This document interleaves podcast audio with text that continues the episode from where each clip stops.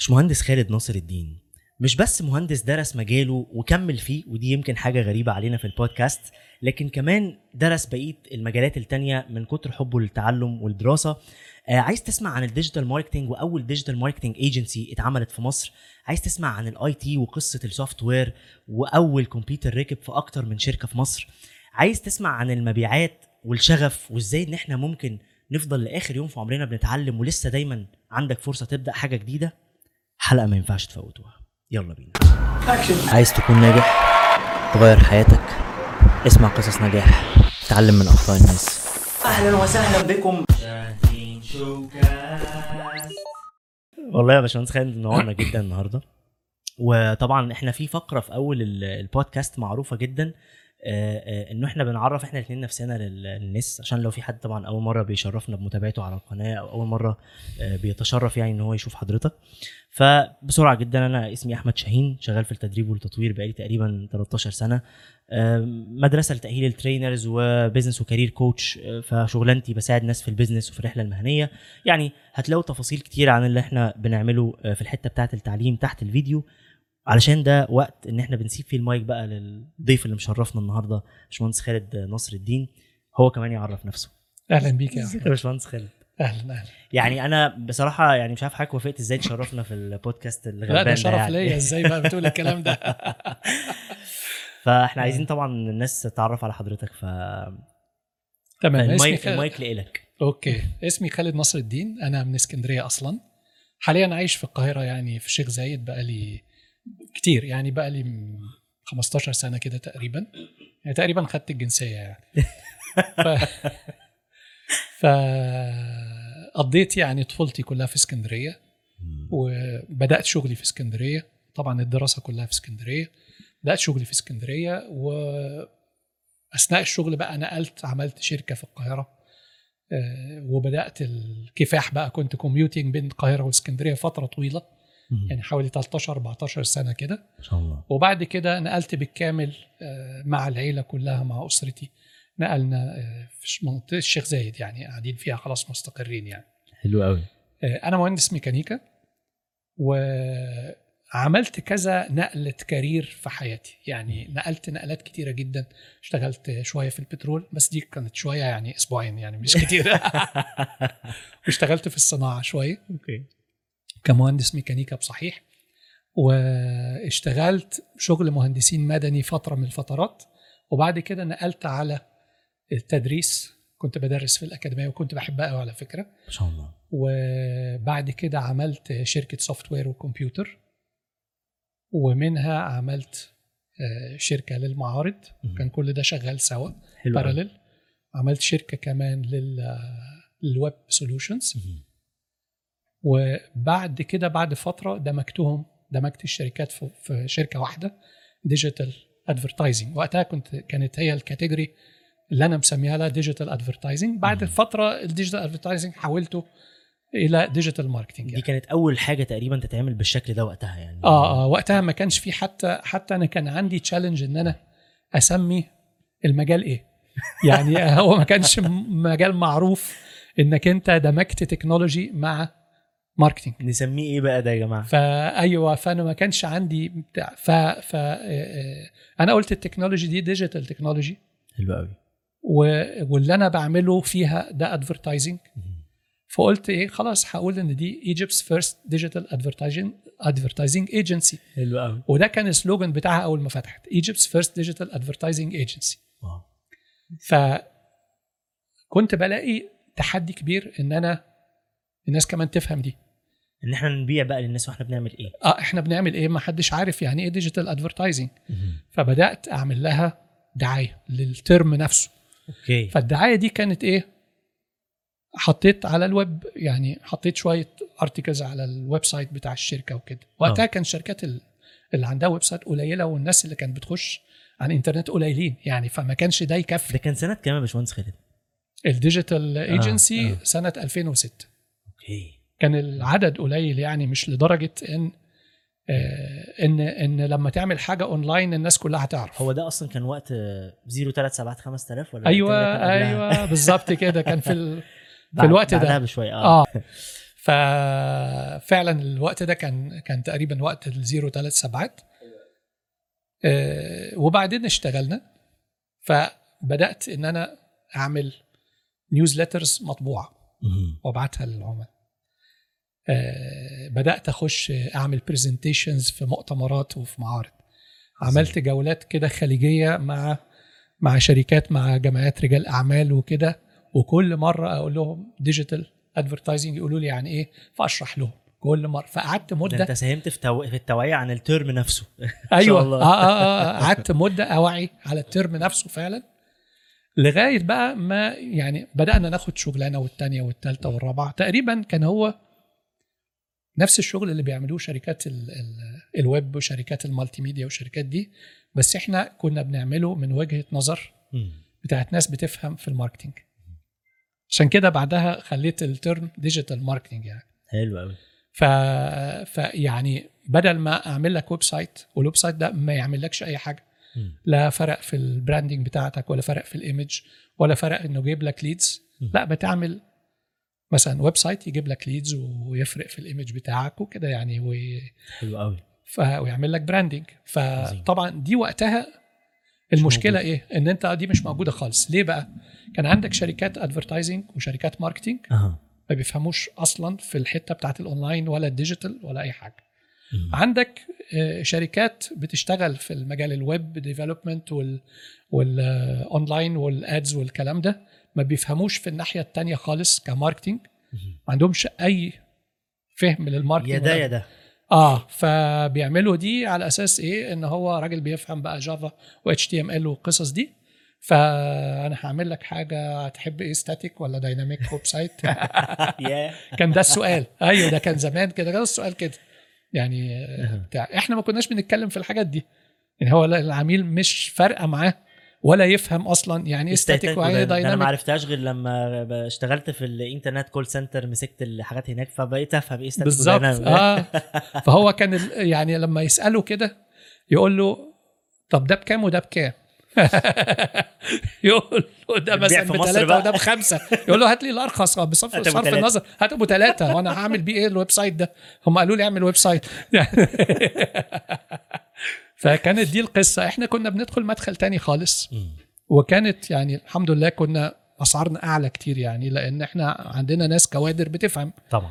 واللي بيفهموا دول كنت أنا برضو اللي بعلمهم لأن ما كنت أنا بادئ. أنت مشكلة إنك تبدأ أول واحد إنك ما بتلاقيش ناس فاهمة في المجال نفسه تشتغل معاك. يعني هو كبير قوي آه آه فكنت بقعد أترين في الناس وأعلمهم ومرنهم وكنت في نفس الوقت بتابع كل جديد بيحصل بره. بحيث إن آه، أبقى دايما اون توب يعني. حلو قوي. ف... فدي كانت القصة بتاعتها يعني. طب إحنا إحنا أنا عايز أرجع بحضرتك شوية بالزمن لورا معلش. يعني إحنا حضرتك حكيت لنا دلوقتي قصة ال marketing agency بس أنا عايز أرجع للدراسة يعني حاسس إن دي محطة لما بنقف عندها وخصوصا إن حضرتك ما شاء الله النهارده حد بيحب التعلم جدا وهنتكلم عن ده. أنت كنت في الدراسة بقى اللي هي بتكلم عن ثانوي والفترة اللي هي قبل الجامعة يعني. مم. بتحب أصلا الدراسة وكده ولا كنت بحبها. دحيح يعني كنت بتذاكر و بص أصل هو إحنا وقتها ما كانش عندنا إنترنت أوكي. ولا كان عندنا موبايل ولا كان ولا كان في satellite يعني ما كانش في أصلا dish والقصص دي مم. ال dish ده جت على كبر آه، وما كانش في غير قناة واحدة في التلفزيون في الأول وأنا في ابتدائي. قناة واحدة. قناة واحدة القناة الأولى هي المصري دي وبتفتح مثلا من الساعة 2 الظهر أو 1 الظهر. لغاية 9 بالليل وخلاص وتقفل على كده يديك نشره 9 وخلصت على كده. فما كانش في وسائل تسلية غير إيه؟ غير الدراسة. كان عندنا المذاكرة أربع ساعات تقعد على مكتبك أربع ساعات ت- تخلص كل الحاجات بتاعت اليوم. ما فيش حاجة اسمها يعني الأربع ساعات دي الستاندرد في اللي. بيزود عن كده وفي اللي بيقلل. حلو قوي فأنا كنت بحب الأربع ساعات دول يعني ما دي حاجة. الحاجة التانية كان القراءة. كان أهلي بيجيبوا لي مجلات ميكي وسمير وبتاع كنت متعود أقرأ أيوة. المجلات دي وحبيتها لدرجة إن أنا حبيت القراية عليها. يعني يعني هي المجلات الكوميكس اللي هي بتاعت السن الصغير دي أيوه. بتخلي الواحد يحب القراءة. طبعا. فمع كل سن ما يكبر أبتدي أقرأ حاجات أعلى منها شوية أعلى منها شوية عم دهب مش عارف إيه كده. آه. لا دخلت بقى ف Reader's Digest اللي هي المختار. حلو قوي. ومجلة المعرفة الكويتي ويعني قعدت أنوع كل ما كل ما أكبر شوية أبتدي أشوف حاجات تبقى more interesting بالنسبة لي بالنسبة للسن اللي أنا فيه يعني. حلو قوي. فبقى حب القراءة والمعرفة بقى في دمي. يعني ما أعرفش أعيش من غير القصة دي. الحاجة التانية اللي بستعمل فيها وقتي الرياضة. تروح ألعب. حلو قوي ف بس أنا بصراحة عايز أبدأ من الحضانة. معاك. أوه دي محطة ما وقفناش عندها ممكن قبل كده. ال- ممكن البودكاست ده يبقى 10 ساعات لا الميموري موجودة إن شاء الله. ما فشوف في الحضانة أنا طول عمري طفل هادي. يعني طول عمري هادي يعني آه، بحب أعمل الحاجات اللي هي إيه منتل يعني حاجات فيها دماغ بس. آه. ان شاء الله. ف وأنا في الحضانة جالي وقت كده أنا كنت Victoria College. فجه كده مجموعة مشاغبة كده شوية شباب من دولة عربية تانية جم الحضانة. دول بقى كانوا ما أعرفش إزاي كانوا اجسام اكبر مننا و- وبتاع وصحة. بس ابتدائي جايين يحضروا في KG 1 أيوه ممكن. فانا الظاهر شكلي ما عجبهمش. أوكي. فبقيت أروح يوم الصبح ألاقي واحد منهم إيه جاي ضاربني. إديني box يوقعني. أقوم ألم حاجتي وألم الشنطة والكراريس وبتاع ألاقي واحد تاني ضاربني ومش عارف إيه. من غير سبب كده. من غير سبب. ف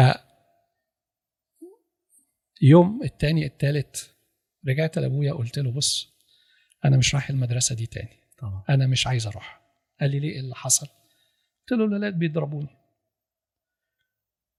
قال لي يضربوك إزاي؟ وأنت ما بتردش عليهم؟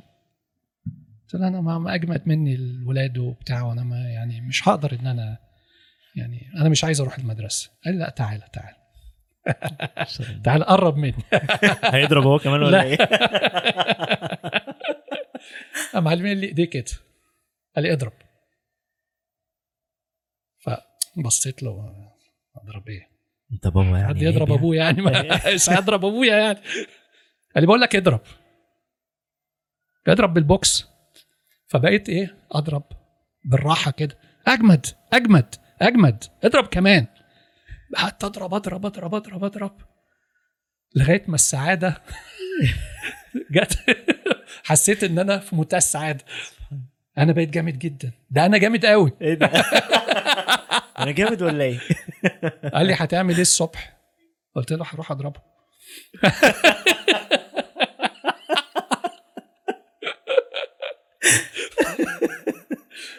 فرحت الواد بقى اللي بيضربني كل يوم ده جاي لي. قمت دب دب دب دب الواد ما شافش حاجة. يعني هو وقع من الخضه يعني هو أصلا أنا جاي أضربك وماشي يعني مش أيوه لقى نفسه اتضرب. التاني جاي اتضرب. ضربته. ما هو خلاص العيال يعني أيوة. أنا خدت ثقة في نفسي عنيفة. وهم ضر- ضربوك. وحسيت إن أنا يعني أنا كنت بضحك على نفسي. أنا جامد. يعني أنا مش ضعيف برضو. وهم جايين يضربوا تاني يعني مش هم جايين يضربوا. وأنا أنا خل- لقوا نفسهم اتضربوا. طبعا ما كانش ينفع اضربهم كلهم سوا. ده هو واحد ضربته بالدور. آه، التاني التالت خاف. من ساعتها احترموني وش قربوا مني. ومن ساعتها بقى ده الرول عندي بصراحة. يعني ال ال أنا مؤدب وطيب وهادي لكن آه، لو حد ضربني هضربه. كويس خلصت طبعا دي مش قاعدة نمشي عليها طول عمرنا يعني صح. لكن في الفترة العمرية دي لازم تبقى إيه؟ يعني تبقى نك تو نك يعني يبقى صح. زيك زي غيرك. ما ت- ما تستضعفش نفسك ما تحطش نفسك في موقف ضعف.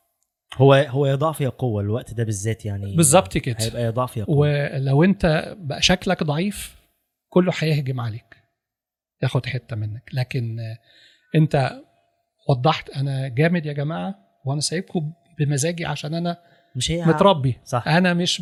مش بتاع مش رضلي. أنا واخد بالك؟ أنا متربي أهلي مربيني لكن اللي هيمسني همسه. صح. يعني هيقرب لي هقرب له. ودي ودي حتة يا باشمهندس خالد حسيتني في حاجة كده سبحان الله يعني. إحنا يمكن إحنا طبعا في actions كتير دلوقتي ال parents أو الأباء بيروحوا ياخدوها اللي هو فكرة إيه؟ آه انه بابا مش عايز أروح المدرسة. ليه يا حبيبي؟ أصل فلانة بتضايقني فأروح بقى أكلم ال parent التاني وأتدردش معاه وبتاع ماشي دي كلها actions جميلة بس لازم كمان يبقى في investment في الولد نفسه هيتصرف إزاي في المواقف؟ لأنه. ال parent هيقول له حبيبي ما تعملش كده تاني وهو يروح يضرب ابنك تاني بكرة. عادي آه. بالظبط. وفي المدرسة برضو عادة مش بياخدوا إجراءات رادعة ضد الطرف المعتدي. صحيح. عادة إيه بيطبطبوا. على ده ويطبطبوا على ده وخلاص خلصت. كده. صح. أو يتذنب تذنيبة خفيفة كده وبعد كده يرجع تاني يضرب. فهو آه، طبعا هو أنا مش بقول لك يعني في كل حاجة من مراحل حياتك اللي يضايقك اضربه لكن خد حقك. صح. يعني في وسائل مشروعة تاخد بيها حقك. صح. فوقتها كانت الوسيلة المشروعة هي دي. يعني لأن فعلا بت... خلاص بتردها له مرة بترد ضربة بضربة خلصت. خلاص ما حدش بيقرب لك تاني. أنا فحتى لما نقلت مدرسة يعني نقلت بقيت في مدرسة اسمها EBS أوكي. برضه نقلت مدرسة حصل برضه واحد الفتوة اللي في الفصل كان عايز يضربني. قمت قلبه على طول. خلاص بقى كده خلاص عرف إن الموضوع ده حيطة سد مش هيقدر إن هو إيه. بس من الحاجات اللي بهرتني قوي وحضرتك لما بنسألك عن الدراسة فروحت للحضانة. أنا بتخض واتخضيت دلوقتي تاني من ده لإنه إحنا إيه ده يا جماعة؟ ده إحنا مهما بنكبر ده إحنا فاكرين الوقت ده. يعني يعني وجودك وحضرتك لما حكيت دلوقتي عن موقف والدك ربنا يعني يرحمه يا رب. وكده آه إنه إيه ده؟ ده أنت فاكر وفاكر الت- التصرفات بتاعته وقتها ومش هتنسى الموقف ده. فإحنا كمان وجودنا في حياة عيالنا دلوقتي من أول from the very beginning من أول لحظات آه، مهم. بتفرق معاه كتير. وهتفضل وهيفضل فاكرها ف تفرق معاه كتير جدا جدا. طبعا طبعا. في مواقف معينة عمرها ما تتنسي. هي المواقف دي اللي بتبقى بنت لك الحياة بتاعتك كلها اللي ترتبت عليها بعد كده. حلو قوي. آه.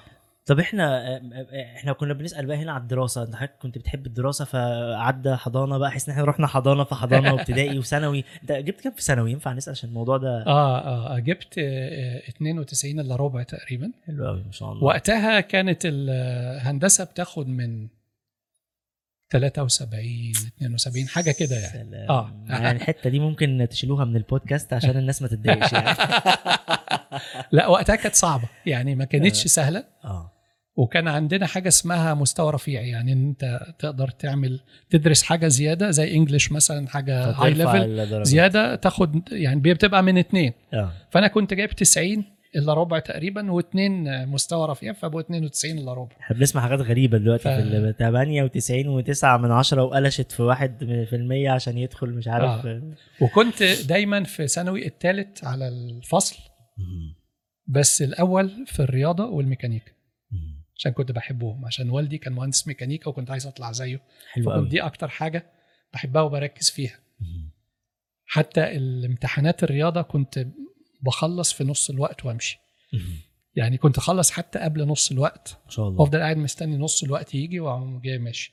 سلم باخد فول مارك. الحمد لله بفضل الله سبحانه وتعالى. في في في حتة هنا جت في بالي كده خطيرة في حتة المرحلة دي بالذات. آه، دايما بيجي في بالي تساؤلات أنا ما كنتش شاطر في ثانوية عامة بالمناسبة وكنت أكتر حاجة بالنسبة لي أخرج وبدات أذاكر في جامعة. وكانت في موتيفز وقتها كتير يعني من ضمنها كان الفشل بتاعي في ثانوي يعني إن أنت خلاص سقطت مستقبلك ضاع وإحنا كان طموحنا فيك مش عارف إيه فلا أنا هعوضكم فبدأت أذاكر. إيه الحاجات اللي اللي ساعدت باشمهندس خالد في الوقت ده المحطة دي إن هو يبقى بيحب بجد كده التعليم والمذاكرة؟ فإحنا هنا بنوجه هذه الرسالة بقى لل سواء للبيئة المحيطة أو للآباء والأمهات وكده. إيه اللي ساعد حضرتك من المحيط يخليك تحب المذاكرة بجد؟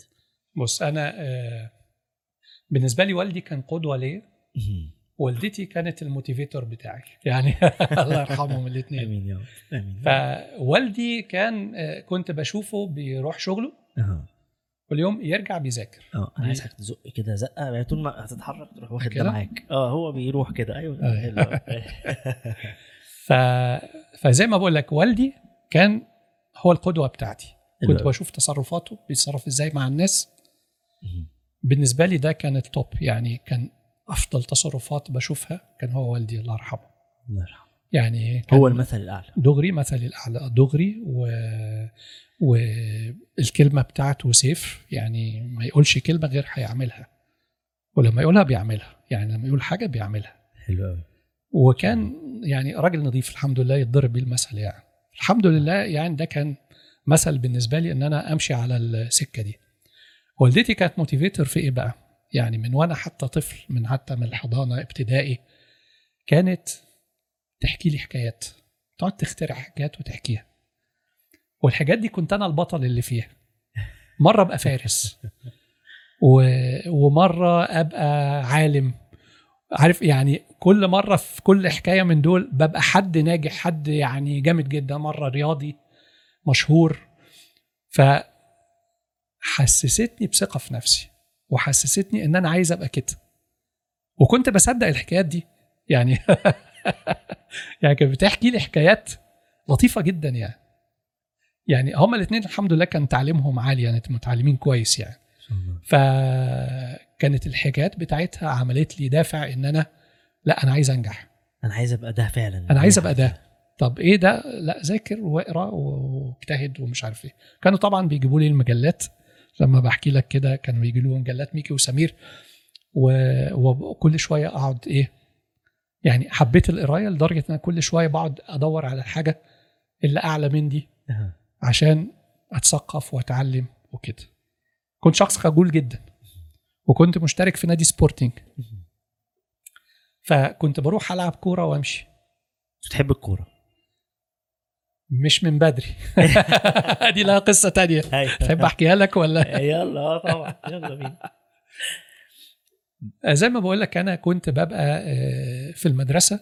تيجي وقت وقت الفسحة أقعد كده في في الحوش أشوف الولاد بيلعبوا. كنت أنا أحب الهدوء والتأمل. أقعد أتفرج أشوف أحمد بيعمل إيه زكي بيعمل إيه حسن بيعمل إيه بيتصرف إزاي. ده عصبي على طول وده مكشر على طول وده بيضحك على طول وده وده لما تقول له كذا بيقول لك كذا. يعني إيه؟ بشوف كل واحد بيتصرف إزاي. ده يعني كان إمتى ده؟ يا باشمهندس خالد معلش بس دي حتة كان في ابتدائي يعني مثلا في تانية. تالتة رابعة خمسة المديتيشن سادسة. بادئ معاك بدري قوي ده. أنا أيوة. ابتدائي ده كنت بشوف عشان أحافظ على سندوتشاتي ما ياخدوهاش مني بس. ف... كنت هادي جدا وأحب إن أنا أفضل أتأمل في الناس اللي حواليا وأتأمل في الوشوش. بحيث أفهم الناس بتفكر إزاي. ودي فضلت معايا لغاية ما كبرت يعني لحد دلوقتي آه، بتأمل في الناس اللي في وشي عشان كده بقدر أفهم بفضل الله سبحانه وتعالى. طبعا ساعات بيتنصب عليا يعني مش هضحك عليك يعني. كلنا. إنما في معظم الأحيان. بفهم الشخص لما بقعد معاه مثلا خمس دقائق عشر دقائق وأشوفه بيتكلم معايا ببدأ أقرأ بين السطور وأفهم لدرجة يعني في أحيان كتيرة بقدر أتوقع نهاية. ال... نهاية الكلام هي إيه؟ هيطلب إيه؟ ف قلقت أنا الوهلة دي. بدايه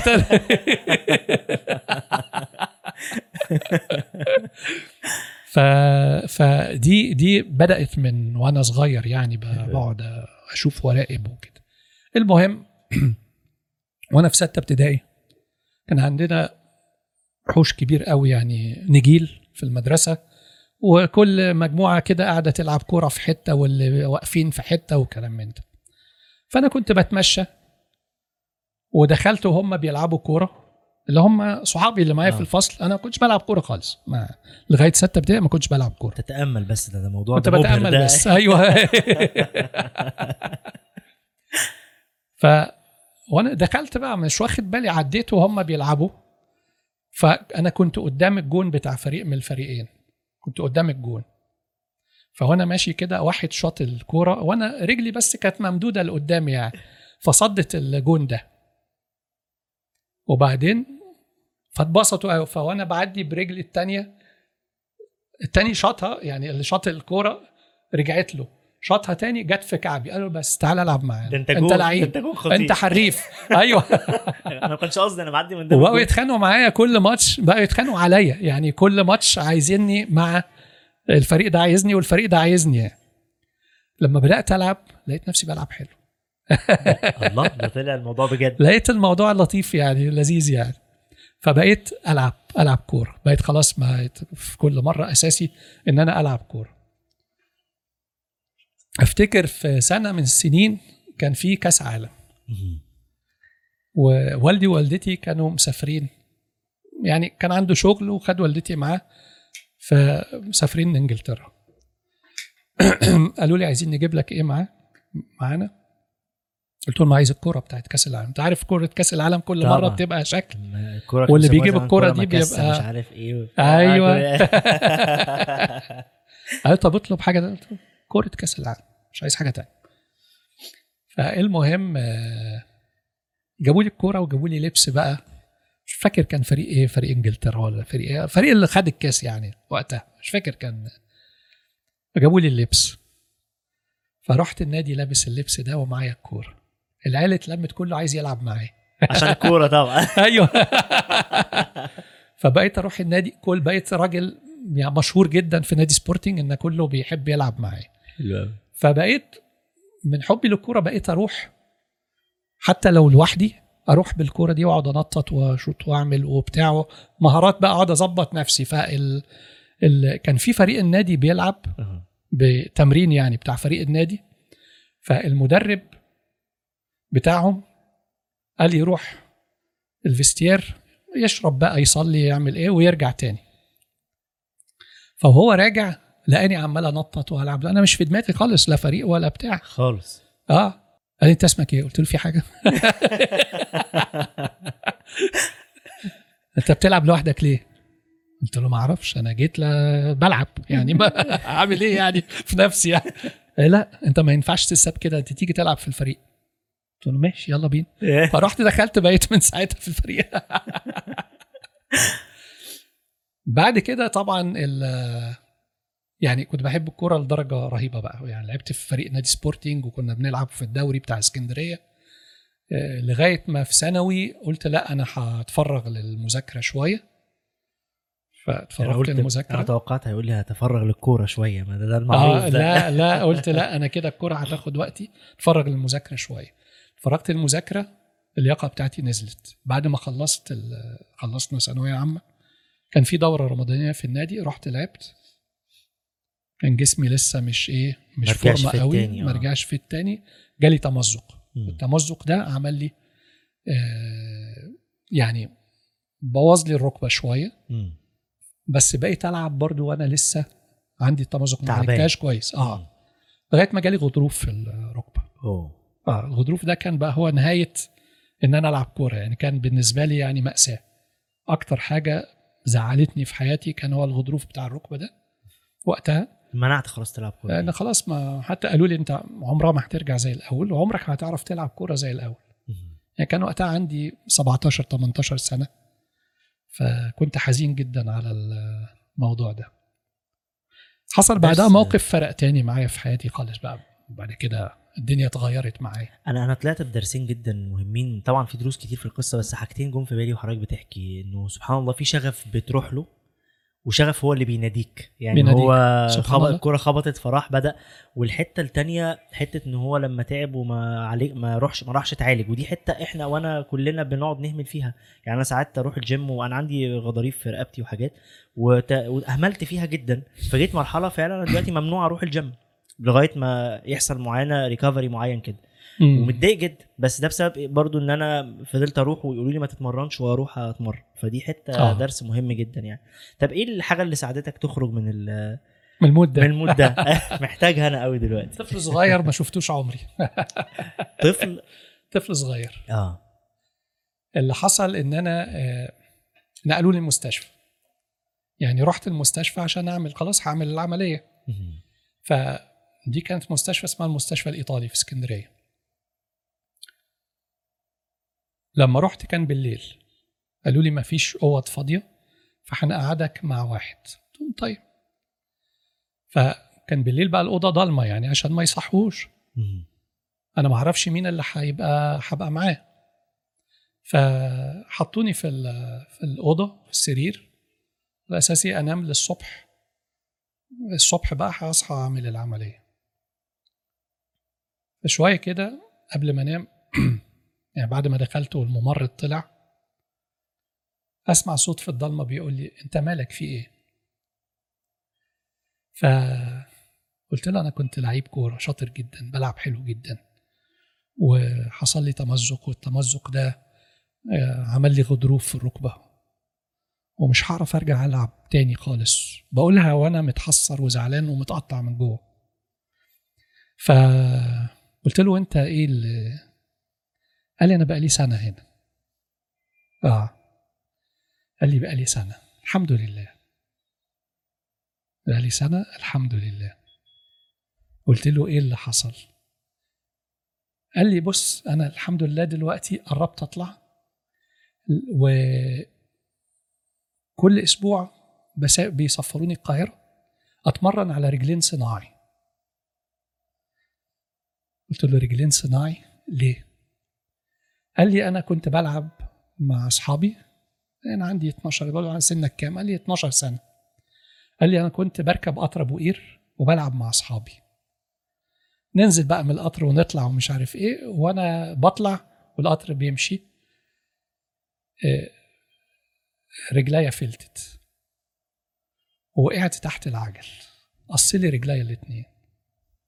بس الحمد لله الحمد لله نقلوني بسرعة على المستشفى ولحقوني. وبقى لي سنة بعمل علاج طبيعي علشان يجهزوني إن أنا أركب أركب الجهاز اللي هو الرجلين الصناعي دي. وكل أسبوع بيسفروني يوم أتمرن على الرجلين الصناعي. ظهر في حاجة جهاز في القاهرة كان وقتها هو ده اللي بيمرن على الرجلين الصناعي إنك أنت لما تلبسها تعرف تمشي بيها. قال لي والحمد لله خلاص قدامي حاجة بسيطة ويركبوا لي الرجلين الصناعي دي وأبقى ماشي عادي خالص زي أي حد. أنا قعدت أتأمل. إيه؟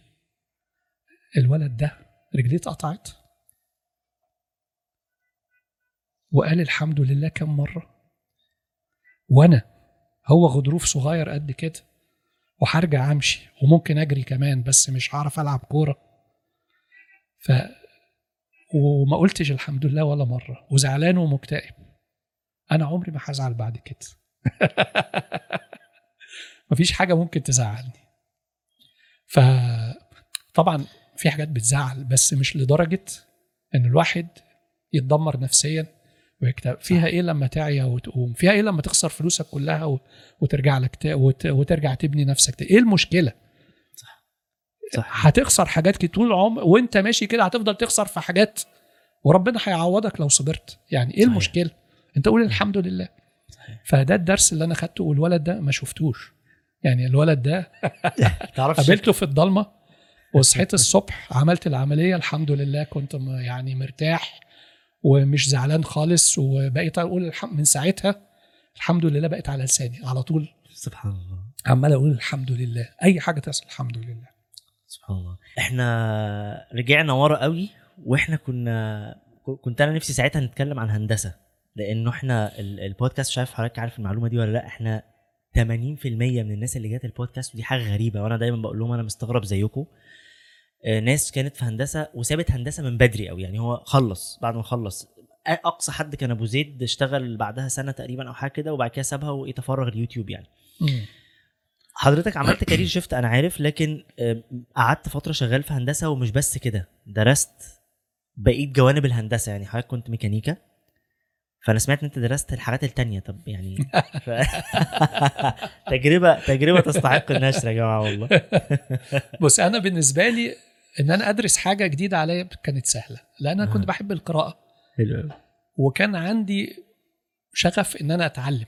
يعني مش شغف بقى في شغلانة معينة وبتاع. هنيجي لقصة الشغف دي أيوة. بعد شوية نتكلم عليها لو تحب يعني. طبعا طبعا.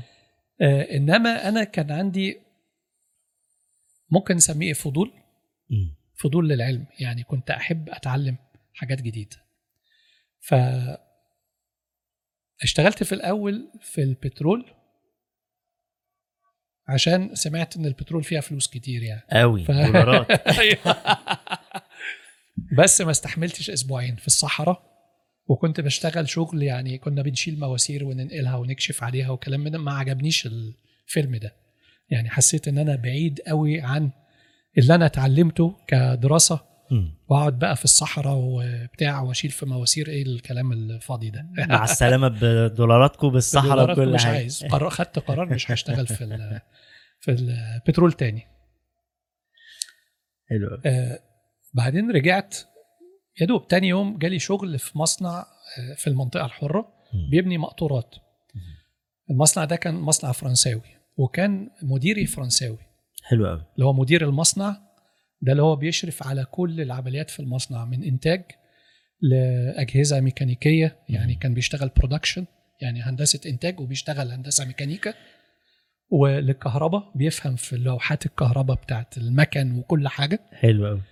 وحتى لما كان بيبقى فيه توسعات في المصنع بيصبوا خرسانة في حتة كان بيبقى فاهم الموضوع إيه وبيقف على الصبة بنفسه حلو قوي ده. وبتاع. قلت ده إيه ده مدني ولا ميكانيكا ولا إنتاج ولا كهرباء ولا أنت بتاع الراجل إيه؟ ده فاهم في كل حاجة. فقلت بس لا أنا عايز برضو يبقى عندي الحتة دي. مهندس شامل كده يفهم في كل فروع الهندسة. فجبت كتب في الهندسة المدنية جبت في الكهرباء جبت كتب في الإلكترونيات وحتى كنت ساعات أسافر أجيب كيتس إلكترونيات كده من النقيلي. عشان أعمل تجارب بيها وكده. ووقتها لسه ما كانش الكمبيوتر يعني حاجة كومن قوي يعني. لكن آه، الكمبيوتر ده اتعلمته في عيا من مرة فمرة عيت فجبت جابوا لي جهاز آه، كان اسمه صخر حاجة صغننة كده. ده عيش عارفه؟ حياتي وكان. كارتج ويتحط في الكارتج يتحط في أيوه. بالظبط. فتعلمت عليه آه، أكتب برامج كده صغيرة بال BASIC. حلو قوي وعملت game كده فيها حاجات بتطلع وحاجات بتضرب صواريخ عليها. عملت game عملت game آه آه. أنا وقتها كنت بلعب أنا ال game أيوه لا أنا كنت يعني أنا كنت غاوي من الناحية التانية يعني أنت هتلعب من الناحية دي أنا غاوي من الناحية التانية أيوه أنا ما يعني وقتها لا كان ساعتها ما كانش في حد عنده computers في مصر آه. أنا أفتكر إحنا كان بابا جايبوا لنا من بره كمبيوتر بقى صخر يا أولاد فين يا بابا الكمبيوتر ده هو حتة ال keyboard اللي بتوصل على شاشة التلفزيون دي. قصة يعني. ولعبة عربة القمر وبتاع هم كانوا ثلاث أو أربع ألعاب معروفين يعني بالظبط كده. فالمهم أنا يعني كنت في الوقت ده كان بالنسبة لي الشغل هو عبارة عن إنك تقعد تتعلم وتطور. بالنسبة لي كده. فأول ما ألاقي شغلانة ما فيهاش تطوير خلاص بعد كده أنا اتعلمت جبت آخر الحتة دي ما فيش تطوير عن كده أروح أدور على شغل تاني. ف المهم اشتغلت آه، فترة محاضر في الأكاديمية. كنت بحاضر بقى إيه؟ حاجات في هندسة ميكانيكا وحاجات في في كنت بخش معمل اللي هي الإلكترونيات بدي برضو بشرف على الطلبة وساعات كنت بديهم كمبيوتر بعد الدور. إنما قبل دي قبل دي بقى أنا عايز أحكي حكاية آه. قصة قبلها. أيوه. قبلها اشتغلت قبل الأكاديمية اشتغلت في شركة بتبني محطات صرف صحي. فالمحطات دي قبل ما بتبنيها بت- بتحفر. يعني المحطات دي بتتبني تحت الأرض مش فوق الأرض. مم. تحفر. مسافة كبيرة. فلما بيحفر بيبقى خايف على العمارات اللي حواليه والأساسات بتاعتها. ففي أجهزة كده زي إيه بيدق آه، يعني بيعمل خروم كده مكنة بتاعت خوازيق كده بت بتخرم كده وتحط ماسورة وأنت إيه في جهاز كده بينزل يقيس شوية حاجات كل متر آه. يقيس ضغط الضغط بتاع الإزاحة بتاعت التربة وضغط المية شوية حاجات كده بيقيسها. حلو قوي فدي اشتغلت فيها. كنت أنا أول مهندس يشتغل في الموقع ده. ده شغل تبع آه، هندسة التربة يعني اللي هي تبع الهندسة فرع من فروع الهندسة المدنية اللي هو مش تبعي خالص. حلو قوي بس يعني أنا في ال interview عجبتهم ما أعرفش عجبتهم في إيه. أنت تعجب أي حد يا كان في باشمهندس. 350 واحد مقدم على الوظيفة دي. أوه ده فيلم The Pursuit كنت رايح متأخر. آه يعني كنت رايح كده يعني ما يعني فحتى السكرتيرة كانت هتمشينا. هم خلاص ده كانوا مالين الميدان شايف الميدان اللي قدامنا ده كانوا مالينه. وخلاص وخلص ميعاد التقديم. فمدير الشركة كان نازل فبص عليا كده قال لها هو عايز إيه؟ عايز يقدم على الشغلانة. قلت له خلاص. قال لا استنى. فصاحب الشركة يعني ده المدير. صاحب الشركة ده راجل مصري أمريكاني كان عايش في أمريكا. فكان قاعد جوه. كان كان قاعد جوه كان جاي كام يوم وراجع. فقال لي ثانية واحدة. فده دخل قال له ورجع. فقعدني معاه. بقى هما الاثنين بيعملوا لي انترفيو ف الراجل بقى بيح... بيقول لي إحنا بنعمل كذا وبنعمل القياسات بالطريقة الفلانية. فكل ما يقول لي بالطريقة الفلانية أكمل له الناحية العلمية بتاعتها. واخد بالك كل ما يقول لي على حاجة اكمل له ما أنا بقى دارس كذا حاجة. أي ما رحت ذاكرت بقيه الحاجات أنا كنت مذاكر حاجات كتير قوي ف... حضرتك ذاكرت بره وجوه خلاص. فقال لي أنت اتعينت خلاص. يعني وإحنا قاعدين كده قلت له مش هتشوفوا لسه بقيه ال 350 سنة. قال لي لا خلاص أنت اتعينت. المهم اشتغلت. يعني اشتغلت معاهم. كنت أول مهندس في الشركة دي. فادوني جهاز كده سلموني جهاز اقيس بيه البتاع ده كان الموضوع مرهق شوية في موضوع القياس إن أنا بلف على مثلا إيه حوالي 10 15 آه، مكان- جس آه. مكان للجس ده وأنزل الجهاز متر متر وكل متر آخد القياسات بتاعته اكتبها في bloc note كده وبعد كده آخد كل القياسات دي لما أخلص برسمها على chart.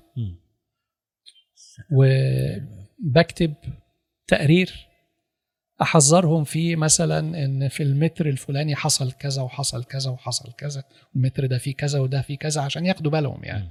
لأن هو بياخدوا ال reports بتاعتنا شركة تانية بقى تقوم إيه تظبط التربة. يعني مثلا حصل إزاحة في الحتة دي يقوموا يضخوا مية في حتة تانية بحيث تعدلها. واخد بالك؟ حصل خلخلة للضغط في حتة يقوم آه يعني يظبطوها يعني.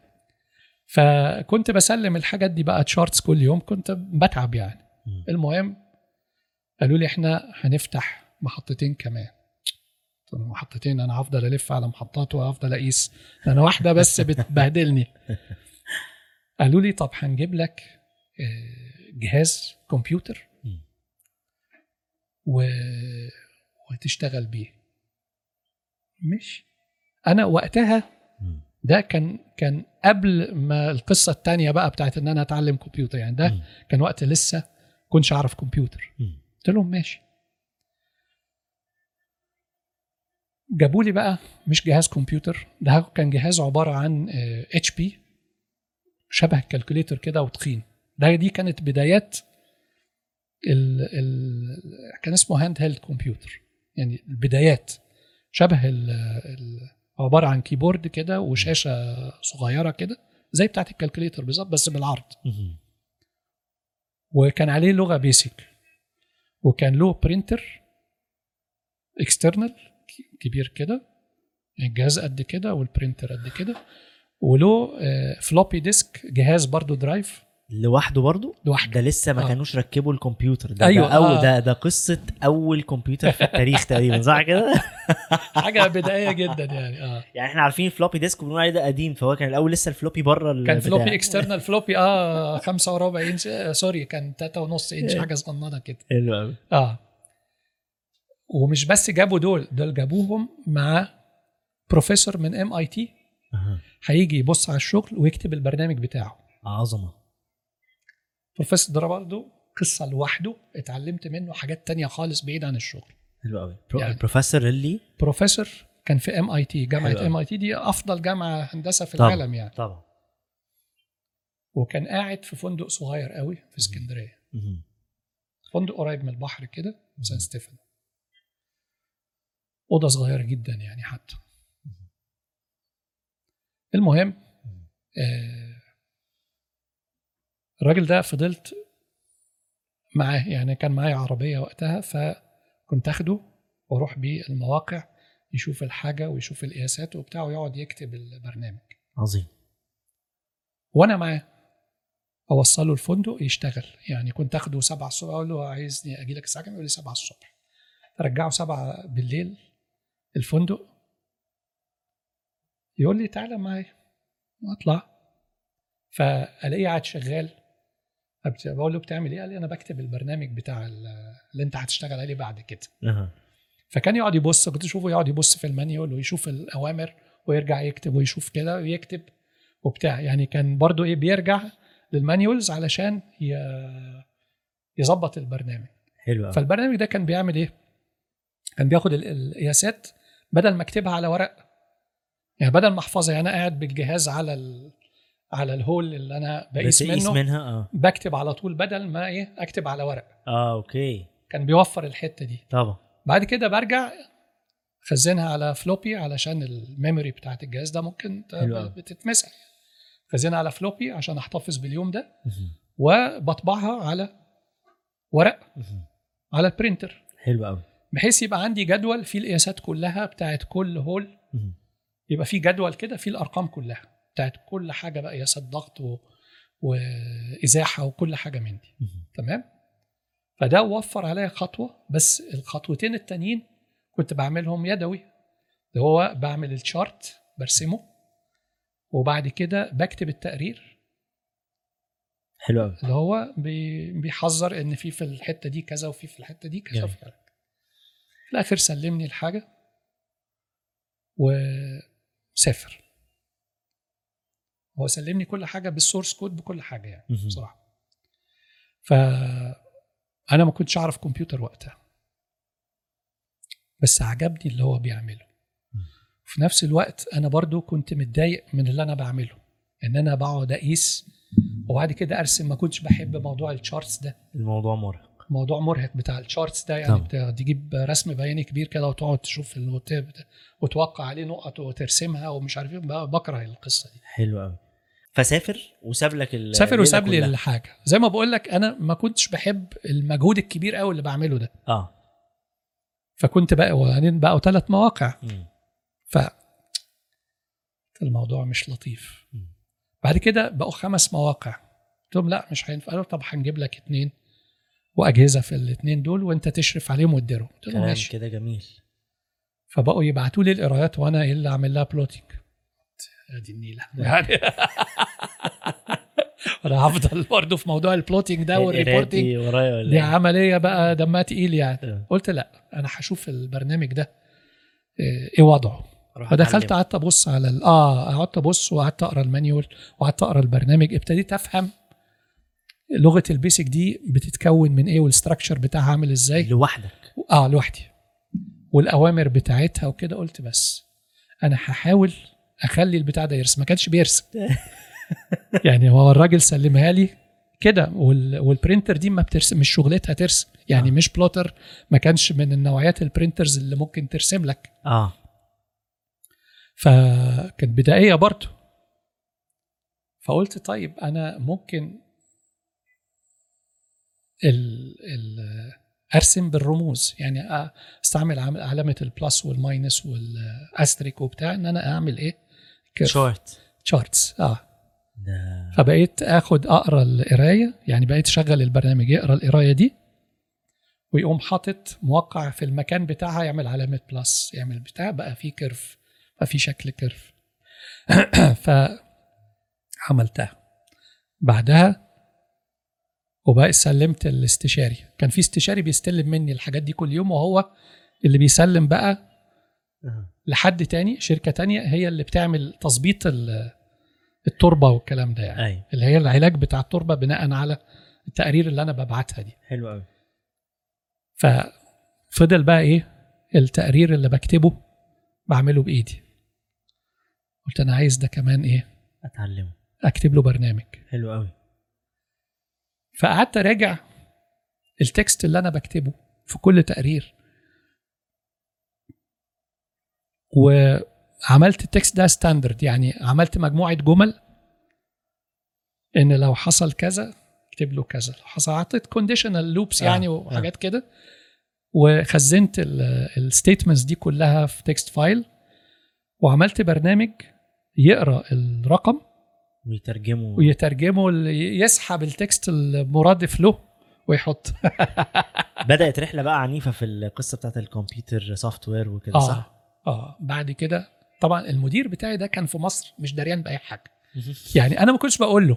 أنا كنت بعمل الكلام ده عشان عشان أسهل على نفسي الشغل. أس- أسهل بالظبط. حلو قوي ده أسهل على نفسي الشغل. ف أنا أنا اتعلمت حاجة حالا وباشمهندس خالد بيحكي إنه انه ساعات في شغلنا بنستنى ال orders. آه. ان إحنا نروح نخلص task مديري مديهاني ولا مش عارف إيه. ففكرة انه الناس اللي بتبقى بجد عايزة حتى تسهل على نفسها الشغل ده motive كفاية إن يخليك تروح تتحرك تعمل حاجات للشغل. يعني صح. يعني انت هتطور من نفسك وتطور من الشغل عشان تسهل على نفسك وبتتعلم ومش مستني orders برضو يعني دي حتة كده. مهمة. حلو قوي. آه. ف ف لقيت كان مدير في القاهرة راجل شرس يعني كله بيخاف منه. بس أنا بصراحة يعني كنت عامل بارير كده بيني وبينه يعني ما كنتش بكلمه كتير ما كنتش بحتاج له. فكنت عامل بارير بحيث إن هو يبقى عارف حدوده فين معايا يعني كان يهزق أي حد إلا أنا. ما كانش بيقدر إن هو ي... يعني يتعدى حدوده في الكلام معايا يعني. فلقيته بيتكلم وقتها كان تليفونات بيت يعني هي اللي موجودة يعني. أنا طبعا الشغل ده كنت بروح عندي مكتب في الموقع وبعد كده أروح اسلم في الاستشاري للاستشاري ولما بخلص اخر النهار بروح. يعني ما كانش ليا مدير هنا. حلو. وما كانش في موبايلات أصلا. فلقيته بيكلمني مرة في البيت. قال لي خالد إيه الأخبار؟ قلت له أخبار إيه؟ قال لي أخبار الشغل إيه؟ قلت له في حاجة. قال لي أنا عايز أشوفك بكرة. أنا عندي ميعاد مع الاستشاري وبعد كده عايز أطلع أقابلك. حلو. قلت له حد اشتكى لك مني؟ قال لي لا هقول لك لما أجي.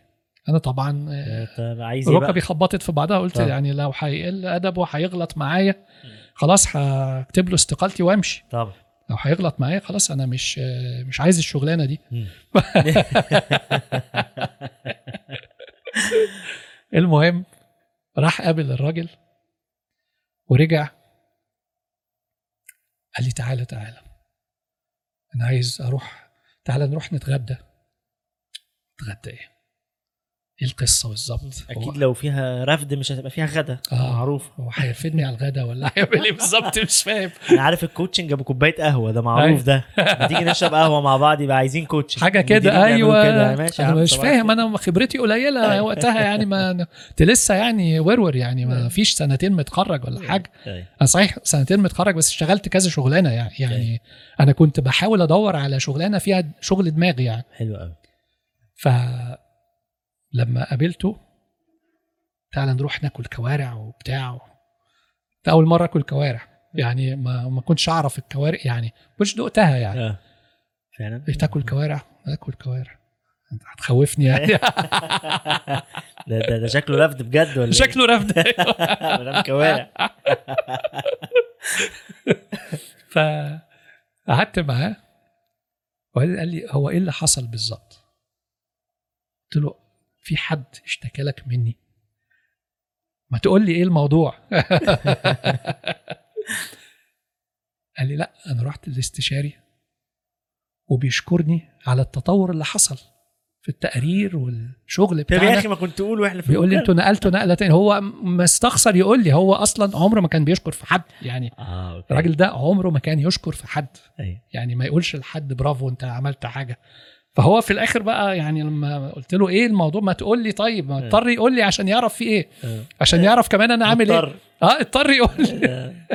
الراجل بيقول كذا كذا كذا ويقول أنتوا نقلتوا نقلة جامدة في التقرير وأنا بشكرك وبتاع. الراجل طالبني عشان يشكرني يعني. ف قال لي أنت عملت إيه بالظبط؟ قلت له ولا حاجة. هو الراجل كان سايب لي الجهاز. الكمبيوتر والجهاز والكده. كنا بس بنطبع الأرقام. أنا خليته يعمل ال chart. ويعمل التقرير كمان قال لي إيه؟ قال لي يعني الكلام ال natural language ده كمان بي بيكتبه آه. التقرير كمان بيكتبه قلت له آه في إيه قال لي عملتها إزاي قلت له لا حاجة ال manuals كانت موجودة بتكلم بمنتهى البراءة إن مفيش حاجة يعني أيوة. الموضوع بسيط يعني في بيتها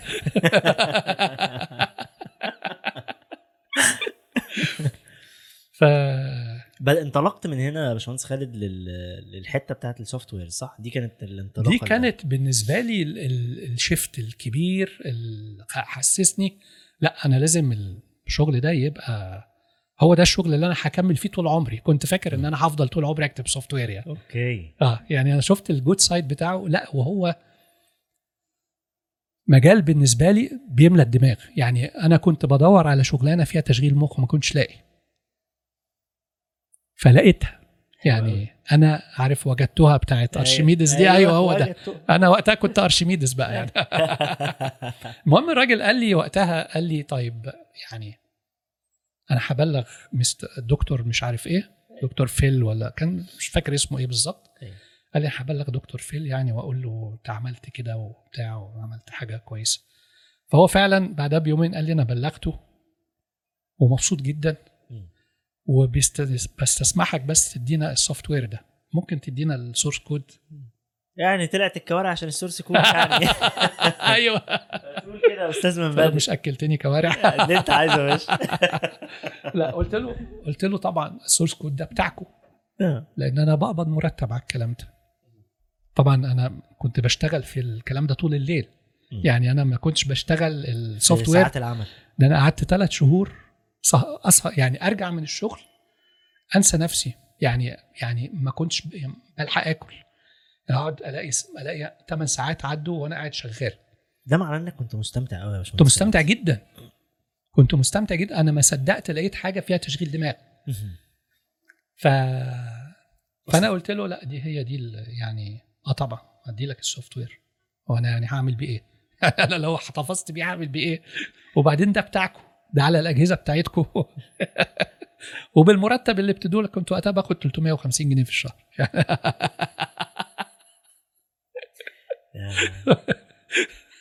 ف بس عرض عليا بعد كده لما المشروع قرب يخلص عرض عليا شغلانة تانية رفضت. قلت له لا أنا مش مش هكمل معاك بقى. خلاص. قال لي هديك 1000 جنيه. يعني ثلاث اضعاف قلت له لا sorry. فكنت بقى بدأت إيه آه، أدرس part time في الأكاديمية وبعد كده قعدت في الأكاديمية فترة وبعد كده عملت شركتي بقى اللي هي أول شركة بتاعت كمبيوتر يعني.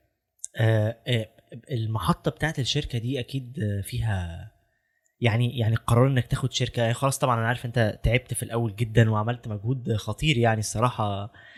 آه، ويمكن جه في بالي حاجة مهمة جدا وإحنا دايما الناس اللي بتيجي حتى تعمل coaching سواء كانوا موظفين أو مديرين أو كده دايما بنقول للناس فكرة إنه أنت بتدور على بنسميها إحنا في ال career ال interest profile بتاعك ملف الاهتمامات بتاعتك آه، المهارات اللي انت قوي فيها الحاجات اللي بتحبها الحاجات اللي بتحرقك على فكرة ممكن تبقى في حاجة يعني باشمهندس خالد هنا كان شاطر قوي في إن هو يـ chase الحاجات وعمل لهم achievements كبيرة قوي لكن في الآخر هي ما كانتش يعني الحاجة اللي هو في قمة السعادة قوي هو بيعملها بس بيعملها بشطارة فدي ممكن تبقى burnout skill يعني حاجة بتحرقك آه لا هو أنا. مش شاطر في جس ف- الحاجات أنا كنت شاطر في ال software يعني آه. يعني أنا استعملت مخي في حتة تانية yes بحيث لقيتها. عارف يعني إيه؟ لقيت الحتة اللي أنا هشتغل فيها بعد كده. هي دي بقى. آه. هو ده اللي بندور عليه في ال career coaching عموما آه. إنه حد يدور على لقيتها دي. أنا الاقي أيوه. نفسي فين بقى عشان أنور وأتبسط ويقعد الراجل كان بيقعد 8 ساعات بعد الشغل يشتغل. فدي الحتة الخطيره طب قصة الشركة بقى دي بدأت إزاي؟ شوف هو أنا كان يعني من وأنا في المدرسة بقول أنا هعمل شغلي الخاص. في إيه؟ ما أعرفش. يعني لكن أنا ناوي أعمل شغلي الخاص لأن أنا في فترة من الفترات والدي عمل شغل خاص. وهو والدي برضو أنا عايز أفضل ماشي وراه كده أتتبع خطاه في كل حاجة. حلو قوي فترة من الفترات عمل شغل خاص وكان في الشغل الخاص ده كان بيكشف على سفن بيعمل non destructive testing لمراكب بيكشف يعني بيعمل اختبارات دقيقة يعني للمراكب لأن هو كان مهندس بحري كان مهندسيه الشطار قوي حلو قوي فعنده كان خبرة كبيرة فعمل مكتب لل للاختبارات السفن يعني. اختبارات مظبوط. معينة على جسم السفينة على المكن حاجات كده يعني. فعجبني فكرة إن يبقى عندك الشغل الخاص بتاعك. طبعا. فكنت عايز يبقى خلاص بقى عندي هدف إن يعني آه هشتغل في حاجة بعدين أعمل الشغل الخاص بتاعي. حلو فأنا كنت كل ده ببني. يعني حتى لما اتخرجت كنت عايز أعمل شغلي الخاص من بدري. والدي نصحني قال لي لا ما تعملش شغل خاص من أول ما اتخرج كده. انت ما عندكش خبرة. يعني خد خبرة الأول في الشغل. احتك الأول جوه شركات. اشتغل موظف جوه شركات. آه. شابور. وقتها ما كنتش مقتنع قوي. يعني بس سمعت الكلام. لا، لا. تفرق جدا لما واحد يشتغل طبعا. جوه ترس جوه مكنة وبعدين أيوة. يعمل مكنة. لا لا أيوه. بالظبط كده. بالظبط. قوي. فسمعت الكلام وطبعا ما ندمتش إن أنا سمعت الكلام. يعني قعدت سبع سنين أشتغل في شركات. من ضمنها كانت يعني تجربة ممتعة بتاعت الأكاديمية دي. لقيت نفسي بحب أدرس بحب أعلم الناس. ولقيت نفسي عندي المهارة دي. يعني وقتها نفعتني كمان لما عملت بقى الشركة. بقيت اعمل presentations يعني بقيت آه، أحجز مكان في معارض وأخد قاعة على هامش المعرض وأعمل presentations وكده. فكانت الموضوع لطيف بالنسبة لي. لا كنت بع- بعملها بشكل كويس. حلو يعني كنت بطلع ا present بشكل يعني لا آه، بكفاءة عالية لأن كنت بدرس قبلها. أيوه. فحتى التدريس ده برضو يعني آه، خلاني عندي إمكانية إن أنا أطلع أقف جمهور قدام جمهور. طبعا. ما بقاش خايف كنتش بخاف خالص. يعني أنا ممكن دلوقتي بخاف زمان ما كنتش بخاف. عارف اللي هي حظ المبتدئين إن أنت مش أنت بتبقى خايف على البرستيج بتاعك دلوقتي. أيوة. إنما قبل كده ما فيش برستيج أصلا اخاف عليه. فكنت ب present عادي جدا. من غير خوف. والله والله. الله بتقول. أي حاجة إحنا بنحبها والله. الله يكرمك ويخليك. ف... فدي نفعتني يعني. كانت تجربة حلوة تجربة ال... الأكاديمية ولا زال لي أصدقاء كتير قوي هناك اللي بقوا عمداء واللي اتخرجوا طلعوا مع يعني ليا ال community كبيرة قوي هناك لا زالت دلوقتي على السنتين ثلاثة اللي اشتغلتها هناك يعني. حلو قوي آه. إحنا إحنا هنا كنا بنحكي كمان على قصة الشركة بتاعت حضرتك اللي فتحتها. ففتحت شركة كنت كنت لوحدك ولا ما في team بقى و... في الأول خالص عملت حاجة صغيرة كده كانت إلى جانب الشغل. آه. حاجة صغيرة خالص يعني منشأة فردية كده. آه، كنت بعمل software للشركات بقى. يعني كنت زي ما بقول لك آه، بدأت كده إن أنا أنا كنت بروح أحاضر في الأكاديمية الصبح وبعد الظهر إيه أكتب software للشركات ال software ده كنت بعمل إيه؟ كنت بجيبه إزاي يعني؟ إزاي كان بيجي لي الشغل ده؟ آه. أنا في الفترة دي كنت اجتماعي قوي يعني وبرضه موضوع اجتماعي ده أنا أنا كنت بقول لك أنا كنت زمان أيام المدرسة كنت شاي كده وعندي خجل آه. كبير وكده آه وجيت في وقت قلت أنا لازم الوقت لما بقى عندي 14 سنة في الرينج ده مهم. 14 سنة قلت لأ أنا لازم أتغلب على الخجل ده يعني أنا لازم أعرف يبقى ليا أصحاب أعرف أقعد مع ناس وندردش مع بعض وابقى أنا بتكلم معاهم يعني مش أسمع بس. حلو قوي فده وقت بقى ما بدأت أجيب اللي آه أنا كتاب. المعرفة. آه. آه، كتب بقى بتاعت ال- اللي فيها معلومات عامة. المختار Reader's Digest المعرفة. بقيت أنوع حاجات periodicals حاجات إنجليزي وحاجات عربي. أيوه. بقيت أشتري حاجات علشان أعرف منها معلومات بحيث لما أقعد مع أصحابي بعد ما نلعب كورة ونقعد مع بعض في النادي. نروح نقعد ناخد ترابيزة في حتة في ال... في النادي يعني آه. آه. نادي اجتماعي برضو يعني هو آه. رياضي اجتماعي فكنا نقعد بقى. نتكلم ابقى أنا برضو بتكلم مش أنا قاعد الوحيد اللي ساكت يعني وبتكسف وبتاع لا أقعد أتكلم فبقيت أقرأ حاجات بغرض إن أنا أنا في دماغي إن أنا هحكيها له. ممكن تبقى حاجات عن الفضاء ممكن تبقى حاجات عن الكريتشرز المخلوقات حيوانات معينة غابات كده معلومات عامة. قلت أجرب إيه؟ أنكشهم في الموضوع وأحكي المعلومات بتاعتي. حلو بقوا يحبوا القعدة معايا. فتحولت من إنسان يعني خجول وانطوائي مم. إلى إنسان اجتماعي. حلو قوي فبقى عندي معارف كتير. يعني بقى عندي اصحاب من ال... من الرياضة واصحاب من ال... الشغل الاجتماعيات ده اللي هو بتاع ده. واصحاب من الاثنين يعني في ناس بيبقوا بلعب معاهم رياضة ونرجع نقعد مع بعض نبقى مجموعة كده نقعد ندردش مع بعض. ده من 14 سنة وطالع. فبقيت في كل مقام يعني مثلا إيه دخلت الكلية بقى لي أصحاب كتير في الكلية. أروح يبقى بتاع أروح شغل يبقى لي أصحاب كتير في المنطقة يعني واخد بالك؟ دي قصة تحول من شخص خجول لشخص يعني ما شاء الله منطلق. على فكرة دي واحدة من ال من التبس اللي على أرض الواقع دي. يعني لو واحد خجول مش عارف يتكلم مع الناس روح آه، اتعلم معلومات بعض. وروح قول. حلو قوي أيوه. آه آه، كنت اتعلم. بغرض إن أنا لما أقعد معاهم أحكي لهم حاجة من دول. حلو قوي. كنت ساعات أقرأ مثلا على إيه؟ آه، أنيس منصور الذين عادوا من الفضاء والبتاع وأرواح وأشباح. واحكي لهم مرة على الأشباح ومرة.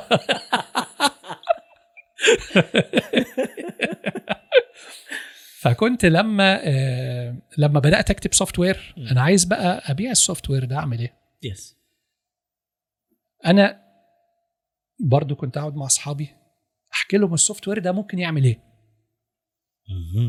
واخد بالك؟ حلو قوي ف كنت بتعزم يعني كنت خلاص وقتها اتجوزت. طبعا نتعزم أنا ومراتي بقى عند أصحابي مرة هنا مرة هنا مرة هنا.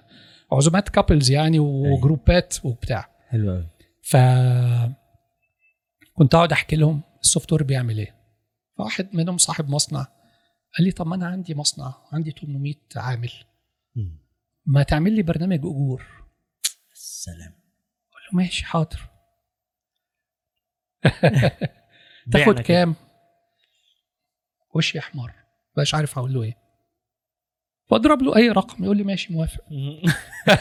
كانت بتيجي كده يعني. أيوة. مرة أقول له ثلاثة مرة أقول له خمسة مرة البرنامج كذا أي حاجة. أه. كان هم اللي بيطلبوا يعني. فواحد يقول للتاني يقول للتالت بقيت إيه؟ خلاص بقيت منتشر. بقيت ببيع software بقيت ببيع software يعني بكتب software بروح كنت بعمل إيه؟ from scratch بقى. يعني كنت أروح أقعد مع الناس أفهم النظام. يعني أنا راجل مهندس ميكانيكا ماليش في الحسابات ولا ليا في مكازة ولا أفهم ال cycle بتاعت ال business دي عاملة إزاي. فكنت بروح أتعلم عندهم. أنت بتعمل إيه يا عم يا بتاع المخزن؟ يقول لي بعمل إذن صرف وإذن إضافة وبعمل تقرير بتاع الأصناف وتقرير بتاع حد الطلب وتقرير بتاع كذا وتقرير بتاع كذا. وريهم لي اديني طيب النماذج دي. طب ده إمتى وده إمتى وده إمتى وده قبل إيه وده ابتديت ارسم الايه؟ خريطة. الخريطة بتاعت الحاجات دي. اقلبها لهم في software اقوم اعمل software وبعد كده أروح اسلم ال software ومرن الناس عليها مرن الناس إزاي يستعملوا كمبيوتر لأن ده كان بيبقى أول كمبيوتر يعني. ببقى حاطط الجهاز بروح أجيب لهم آه، طب هات لنا الجهاز معاك عشان أنا مش عايز اشتريه من حد تاني. أنا عايز software و hardware عشان تبقى مسؤوليتك انت. أنا عايزينك انت مسؤول عن القصة. مش عايز ده يقول لي لا ده ال software اللي بايظ وده يقول لي لا ال hardware اللي. لا. فاشتغلت في ال hardware حتى كنت بجيب الجهاز components واجمعه وأروح اسلم وامرن. حتتي يا جماعة خلاص بتاعتي. لما الشغل زاد شوية جبت مهندس يعمل الصيانات. حلو يعني وبعد كده بقى هو اللي يجمع ويركب وبتاع. وكده. بعد كده الموضوع كبر بقى عملت شركة بقى. يعني كان الأول مكتب صغير بعد كده دخلت شركة وعملت شركة في مكان على شارع أبو قير بقى في اسكندرية مكان كبير.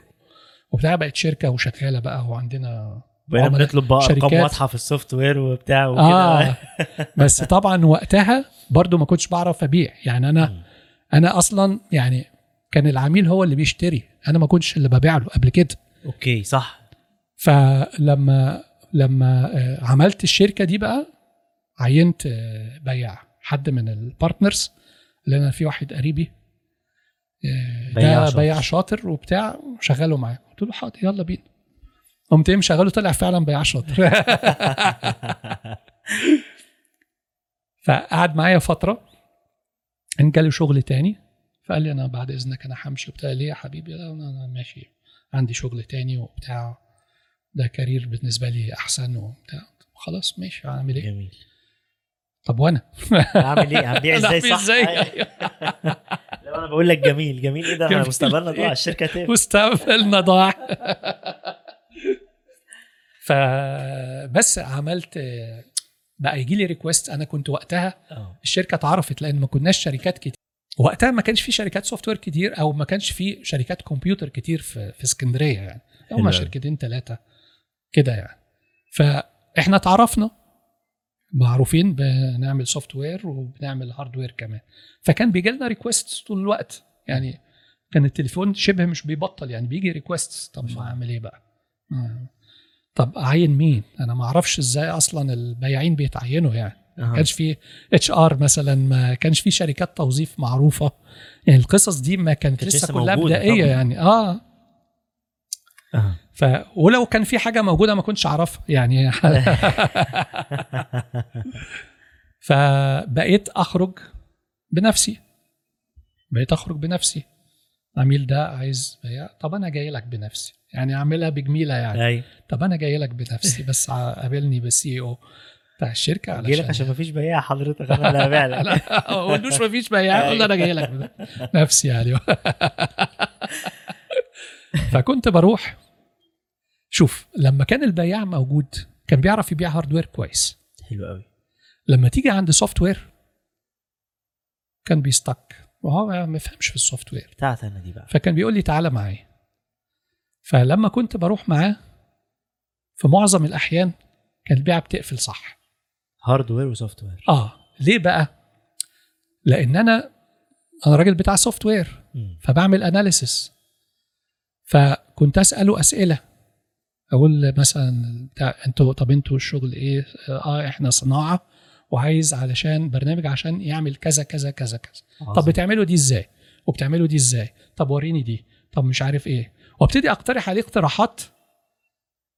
تعرف إن أنا ممكن أعمل لك تقرير يعرفك كذا قبل ما ك... إيه؟ ينفع؟ آه ينفع. اللي هو التقرير ده بيتعمل إزاي؟ أنا بقعد 10 تنفار. لمدة أسبوع عشان يطلعوا لي التقرير مثلا مرتبات ال 800 عامل. جميل. 800 عامل دول مرتباتهم مثلا آه، لأن ده كان مصنع ملابس مثلا. بيعملوا ملابس تطريز وقص وبتاع والقصص دي كلها لغاية ما ما يبقى عندك تيشيرت. حلو قوي فكانت القصة إن هو بيعمل إيه؟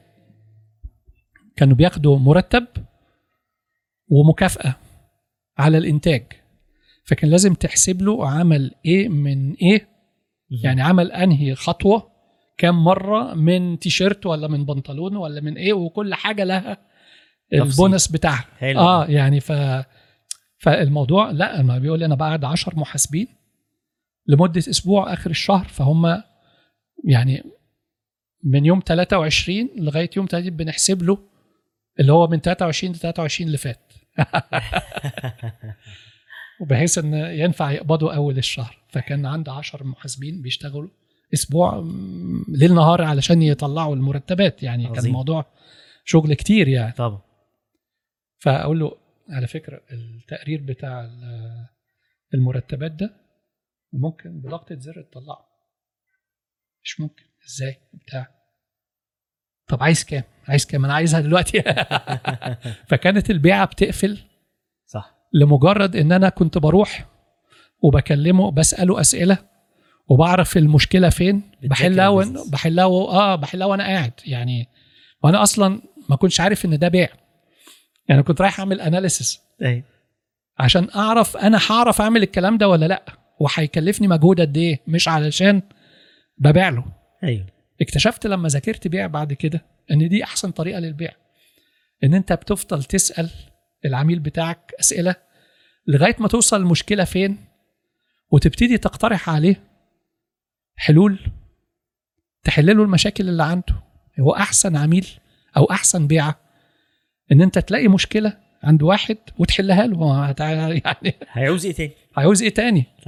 فهيبقى ال value بتاعه أنت تطلب قد ال value بقى اللي أنت هتعملها.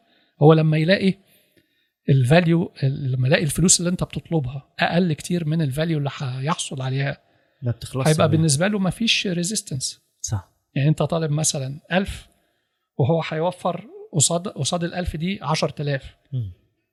طب ما حلوة. مم. يعني صح صح. طب إيه تاني يا باشمهندس خالد؟ بحيث ان إحنا نروح لحته البيع بقى. آه. لو هنا بنقول دي الخلطة السحرية بتاعت البيع بقى اللي إحنا اكتشفناها في الطريق. إيه بقى كمان الحاجات اللي ممكن نقولها على الحتة بتاعت مذاكرة ال business فتبقى بجد دي من الحاجات اللي ساعدتك تقفل بيعات كتيرة. جوه الشركة يعني. إن أنا بذاكر العميل. قصدك؟ آه إحنا بنذاكر هنا ال business فنطلع آه. gaps أو مشاكل فبنحلها. إيه. تاني كان بيساعدك تزق البيعة والبيعه تخلص بجد يعني؟ بس أنا لما اتعلمت بيع لقيت إن البيع ده عبارة عن process على بعضها. فال process دي لها مراحل. واخد بالك؟ دي ما كنتش بعملها في الأول. أنا كنت بس بعمل الحتة دي. لما البياع مشي قصدك بعد ما البياع مشي بقيت أنا أروح كنت بروح للعميل. ممكن مرة تبقى هاردوير مثلا. مم. فممكن مرة أبيع مرة ما بيعش. يعني مرة البيعة تقفل بنجاح ومرة ما تنجحش. ف المشكلة كانت إن أنا ما كنتش ببقى عارف هي نجحت ليه ولا فشلت ليه. يعني دي الحتة اللي خلتني أبقى عايز أتعلم بيع على أصوله. حلو قوي يعني إن أنا طب أنا مش مش لازم أشتغل بشكل عشوائي. يس اولا البيع لقيته بينفعني أنا شخصيا. إن أنا خلاص ما- مانيش مزنوق في بياع. بياع موجود خير وبركة. اختفى. هعرف أبيع مؤقتا لحد ما أجيب بيع أجيب غيره. دي أول نقطة. النقطة الثانية إن أنا بقى لما هتعلم بيع كويس هعرف أختار البياع الكويس. يعني لما أجي هعرف أطلب مواصفة وأعرف أعمل انترفيو أعرف أسأل الأسئلة الصح. حلو قوي وبناء على الإجابات هعرف أختار البياع الصح. أعرف اللي قدامي ده بيعرف يبيع ولا ما بيعرفش يبيع. فبدات بقى أذاكر بدأت أذاكر وبدات آخد كورسز في ال sales بدات أجيب كتب في ال sales كتير قوي. كتير. يعني لحد النهارده بذاكر sales على الرغم إن أنا عندي كورسز في ال sales منزلها على Udemy إزاي تبقى بياع محترف؟ إزاي تبيع solution حلو قوي. هتلاقوا ال link تحت الفيديو يعني. أنتوا بتسمعوا كده. لكن لازلت بحب أتعلم. وبحب آه، إن أنا أشوف تكنيكس تانية ناس تانية بتعملها. حلو قوي. ف... فهو التعلم ده حاجة مستمرة. المفروض انت ما تبطلش تعلم على مدار حياتك. ب- بمناسبة التعلم بقى من الحاجات المبهرة يعني آه، باشمهندس خالد آه، يتحدث آه، خمس لغات ما شاء الله. اللهم بارك الحمد يعني. لله بفضل الله فما عايز بصراحة أنا عربي وضايع يعني. عربي صنايع واللي مش عارف إيه ضايع. و و وانجلش طبعا الحمد لله. وبدأت أسباني بقالي حبة. ف ف ف عايز اسمع قصة ال... قصة اللغات دي جت إزاي؟ لأنه أنا لسه يا دوبك بادئ اسباني وهنا ممكن كمان نقول نصائح بعد كده لتعلم اللغة يعني. بس احكي لنا القصة الأول بتاعت ال... الخمس لغات يعني. بص أنا آه، والدتي الله يرحمها كانت تعليمها كانت آه، قوية جدا في الإنجليزي والفرنساوي. يعني الإنجليزي والفرنساوي آه دوس عليه كمان مرة.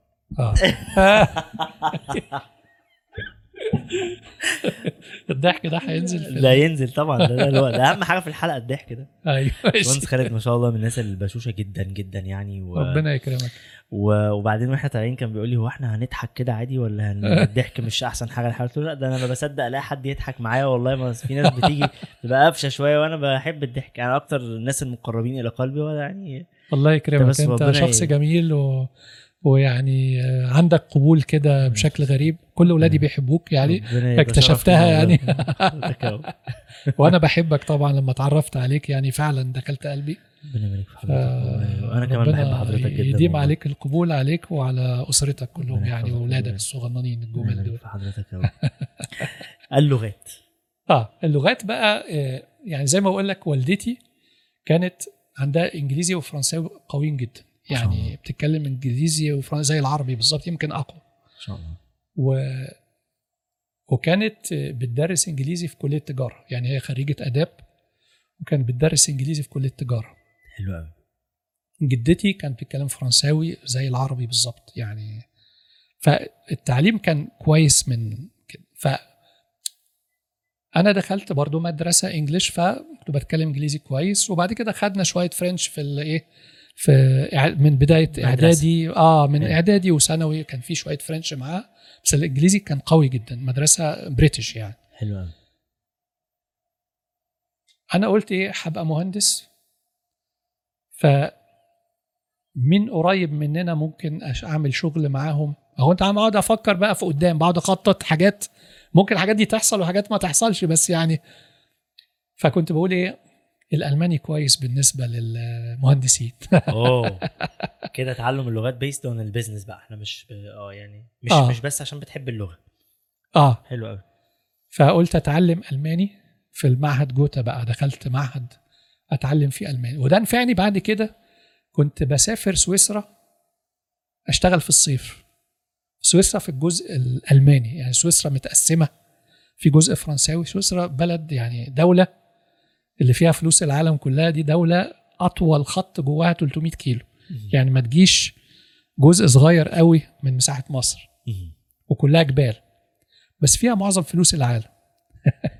ومتقسمة لغات. يعني في جزء فرنساوي اللي هو في جنيف ولوزان الحتت دي.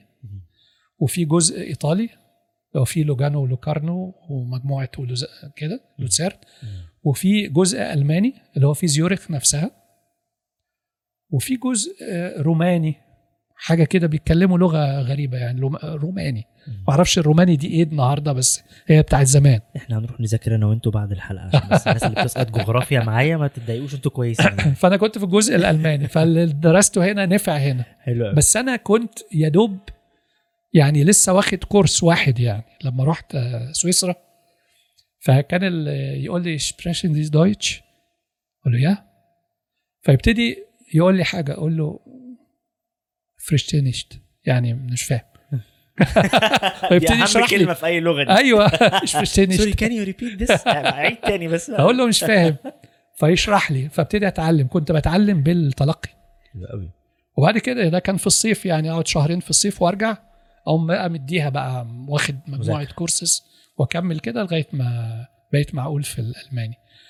برضو دخلت آه، سنتر علشان أقوي الفرنش اللي اتعلمته في المدرسة لأن كان من من أولى إعدادي كان الفرنش ضعيف جدا فدخلت أقويه. والأسباني ده بعد ما اشتغلت اشتغلت في شركة من ضمن المغامرات بتاعت الشغل يعني. اشتغلت في شركة أسباني مصري يعني فيها شركاء اسبان وشركاء مصريين. فقالوا لي إحنا هنطلعك شهرين تتمرن على الشغل بتاعنا في أسبانيا. فسافرت إسبانيا مدريد يعني اشتغلت في مدريد أيوة. شهرين معاهم. فقلت طب ما أنا بدل ما أتعلم الشغل بس أروح أتعلم إسباني. حلو. فسألتهم في أي حد بيعلم قالوا آه في مدرسة بيعلموا إسباني للأجانب. عظيم. فكنت بروحها بعد الشغل أربع ساعات كل يوم لمدة شهر. اتعلمت. اتعلمت كويس يعني.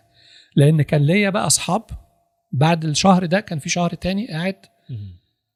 اتصاحبت بقى على ما كان عندي اتنين في الشغل كده شباب برضو زي وقتها طبعا أنا كنت عشرينات يعني. ما شاء الله. ف فقالوا لي ما إحنا خارجين ما تخرج. الإسبان شعب لطيف يعني يعني تقدر تخرج معاهم وتتصاحب عليهم بمنتهى السهولة وكده.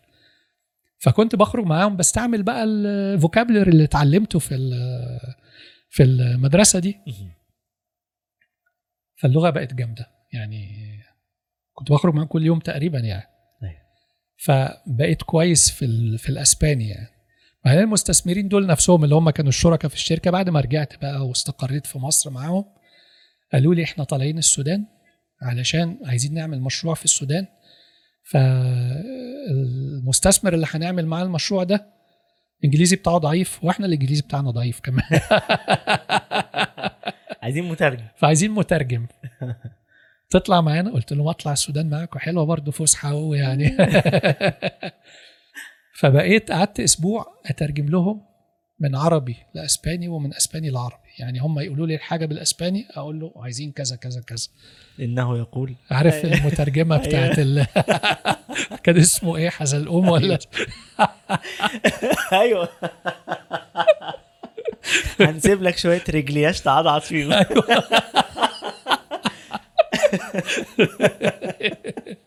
فكنت بترجم ما أعرفش بقى الموضوع. هو فشل في الآخر الموضوع يمكن بسببي ما أعرفش بس لا يعني. لا. بهزر لا هم لقوها الوضع وقتها ما كانش يعني في استقرار يعني فما ما استثمروش ما استثمروش هناك. آه آه. فدي كانت القصة. طبعا هي اللغة ما أقدرش أقول إن أنا آه، النهارده perfect في اللغات دي كلها. هو ال English هو اللي ممكن أقول إن أنا شبه perfect فيه لأن لازلت آه،. مستمر على الإنجليزي سواء من قراءة كتب أو حتى في اتصالات مع أجانب أو كده. هو الإنجليزي اللغة الدارجة. بقية اللغات طبعا يعني آه، على مهلها يعني بالراحة. لا لا ما تقولش كده. أنا لسه أنا لسه بادئ بقى في أول حاجة خالص أسباني فبدأوا يقولوا الجمل والكلمات الأساسية. فأنا مثلا لما حضرتك قلت أسباني دلوقتي مش فاكر غير كلمتين. النينيو النينيو. لا. الصغنون البيبي. أيوه. ولا مخير مخير آه طبعا. دي أول أول كلمة نتعلمها. وبعدها الاكل مخير يعني،. أيوة. مستني أتعلم الجملة دي كده خلاص ننطلق طب إيه موتشو مخيرس أكتر- بقى موتشو. مخيرس آه ف فإحنا آه، آه، حالا كنا بنتكلم عن فكرة آه، لغات وحضرتك من الدروس اللي أنا اتعلمتها حالا مثلا إنه إحنا مش بنتعلم اللغات بس عشان بنحب نتعلم لغة جديدة. ده ده عشان اتواصل في بيزنس وعلشان إيه كمان ممكن نحفز بيه الناس على تعلم اللغات؟ بص هو ال ال الأجنبي لما بتتعلم معاه لما بتتعامل معاه بلغته بتفرق كتير جدا عن ما تكلمه إنجليزي. يعني لو ألماني كلمته ألماني لا ده أنت هتخش في الدهاليز بتاعتهم و... وهيتصاحبوا عليك وهيبقوا ناس تانية خالص غير اللي أنت شايفه حلو قوي. أسباني لو كلمته أسباني هيبقى مختلف تماما غير اللي أنت شايفه ده قدامك. فدي ميزة مش كتير واخدين بالهم منها. إن أنت لما بتكلم حد بلغته الأم بتروح لثقافته. آه بتروح زي ما تلاقي مثلا واحد روسي هنا وبيكلمك عربي. هتاخده وهتقعد معاه على القهوة وهتتصاحب عليه يعني صح؟ أيوه بتشربوا سحلب وبتاع وبتاع. وسحلب وهتعمل معاه كل حاجة وهتقول له كل حاجة يعني صح صح جدا. حلو قوي. فالموضوع مختلف. حت يعني هتتعامل معاه أكنه واحد من صحابك يعني واحد من صحابك اللي أنت اتربيت معاهم يعني. أيوه ما شاء الله. في في ناس بتقول يعني الناس اللي اتعلمت لغات كتير يعني في حياتها ما شاء الله بيقولوا إنه ع- يعني في حد أعرفه معاه 8 لغات. فأنا بشوف اللي هو آه فقال لي حاجة كده لفتت نظري إنه أنا بعد اللغة الثالثه إن آخد اللغة اللي بعدها أسهل. أسهل. فده آه. حقيقي فعلا؟ بص في لغات شبه لغات. آه. يعني هقول لك حاجة. أنا آه لما أنا آسف. أنا لما اتعلمت إسباني. واتعاملت بيها كتير الفرنساوي اللي عندي بقى أجمد من ال... من ال... من الفرنساوي نفسه الأصلي. فعلا. الفرنساوي اتحسن لأن فيهم تشابهات. امم وبقيت. لو قعدت مع حد إيطالي أفهم هو بيقول لي إيه. فرنساوي اسباني آه. فرنساوي و... آه أوكي. يعني لو لو أنا لو اتعلمت إسباني مم. وأنت أصلا عندك شوية فرنساوي كده عارف خفيف آه. هيبقى أحسن كتير. حت... حي... الفرنساوي هيبقى أقوى كتير لأن هم اوريجين واحد. آه. لو قعدت مع إيطالي هتفهمه برضه. حلو قوي لأن في بعض كلمات هي مشتركة بس دي بتتنطق كده ودي بتتنطق عارف زي التجويد مثلا. أيوه. لما تبقى قراءات. القراءات. صح. أنت لما بتيجي تدرس قراءات بتقول في حفص بيقولوا كذا في أيوة. شعبة بيقولها وفي كذا. ورش كذا صح. فأنت وفي ورش كذا. فهي في ال... في اللغات بقى في لغات مشتركة كده. يعني ال... ال... تشوف إيه اللغات ال origin بتاعها واحد. وتقدر تشوف الفروقات بينها وبعد كده تشت... تطبق. حلو قوي ف... جميل جدا جدا جدا. ف وفي شوية طبعا كلمات مختلفة برضو بعض كلمات مختلفة. يعني الأسباني فيه شوية كلام من العربي. فعلا؟ أنا لسه في كتير. عند النينيو فقول لي مثال عند. النينيو. يعني مثلا almohada almohada المخدة. يا آه آه أوكي. مخدة مثلا آه آه الزيتونة. فعلا آه أوكي. ده أنا أنا حبيت الأسبان أكتر. أنا لسه بادئ بس هشتغل على نفسي. اشتغل على نفسي. طب إيه إيه الحاجات اللي ممكن لو حد بيتعلم لغة يبص عليها؟ حاجتين ثلاثة كده لو فعلا ساعدوك إنك تروح للغة اللي بعدها أسرع أو تتعلم اللغة بشكل أسرع يعني.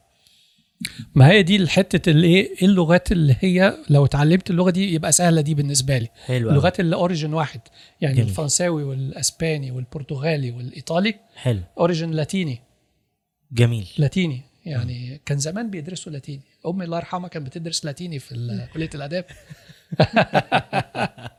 بتدرس لاتيني. جميل. الإنجليزي آه، وال والألماني.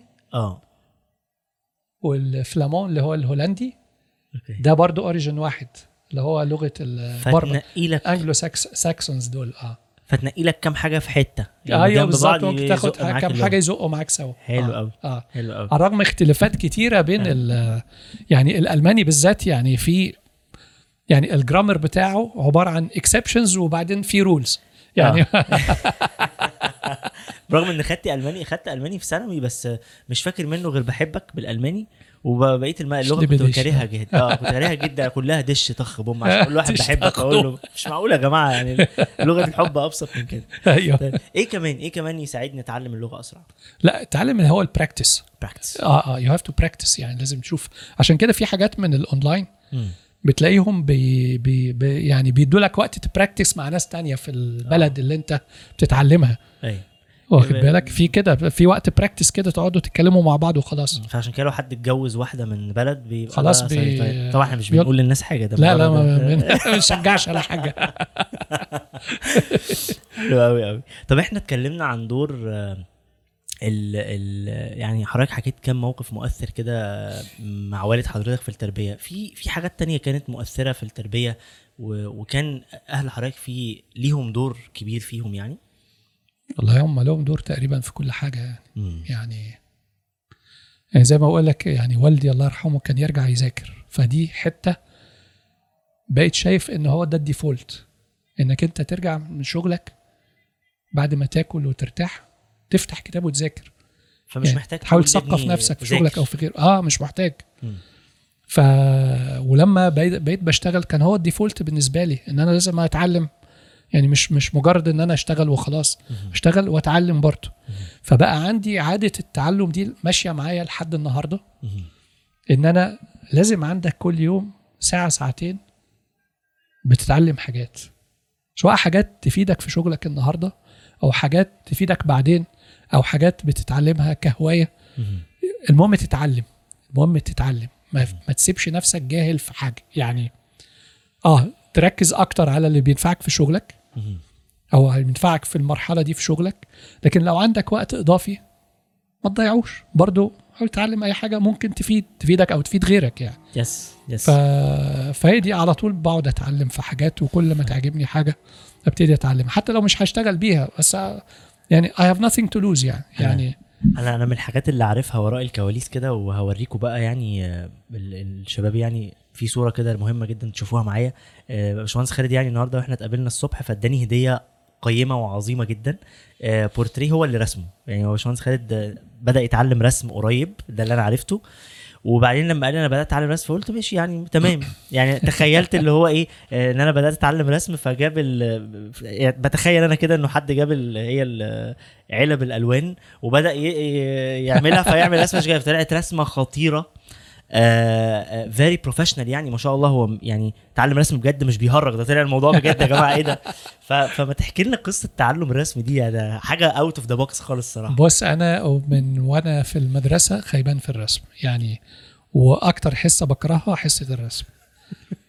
ولما دخلت هندسة ما كنتش بحب الرسم الهندسي يعني ما كنتش ارسم رسم هندسي يعني. أنا ممكن أرسم كروكي ماشي حلو أوضح الفكرة لكن أقعد بقى بالمسطره تي وأعمل ومش عارف إيه واللوحة كبيرة وأظبط النقطة على النقطة والبتاع ده.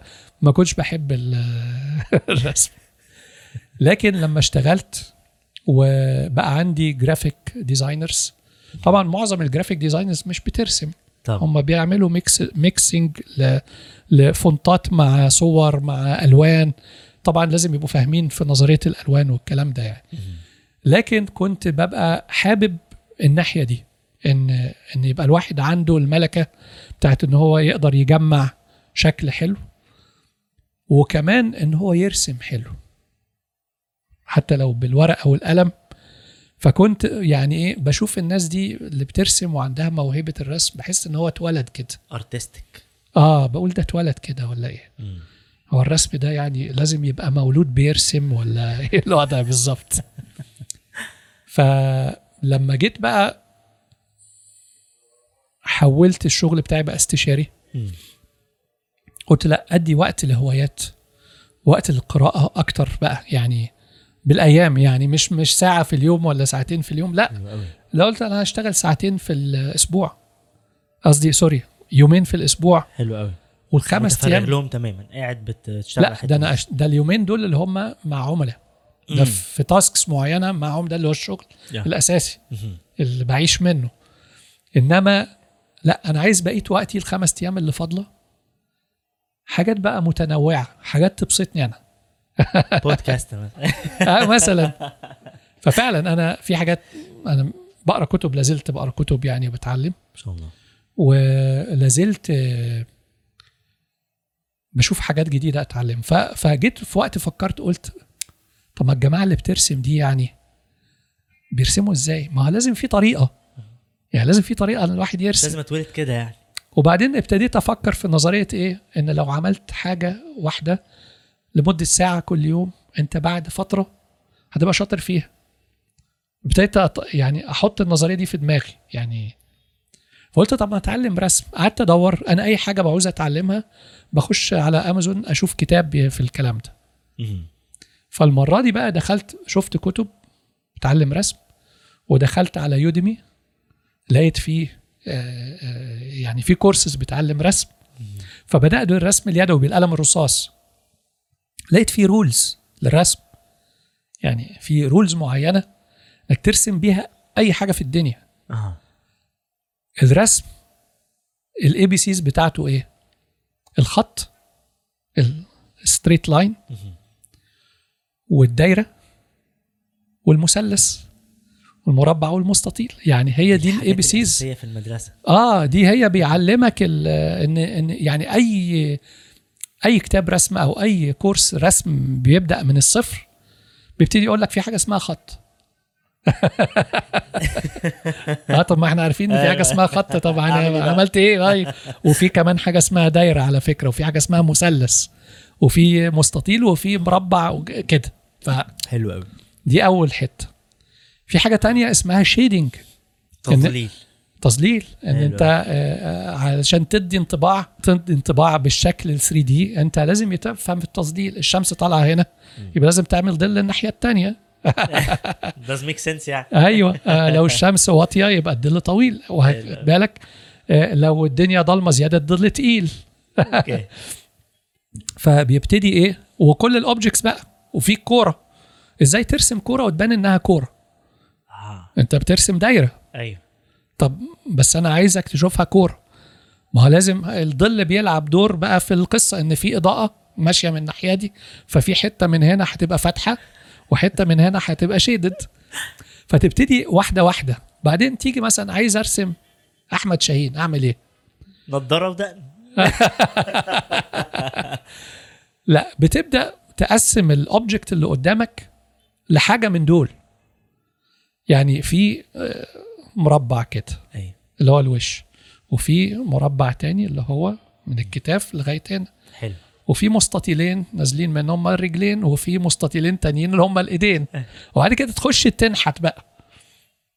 وتعمل ظلال وبتاع. فبتبتدي إيه؟ تعمل الكلام. بعد كده بتبتدي ترسم حيوانات بتبتدي ترسم بيوت بتبتدي ترسم شجر.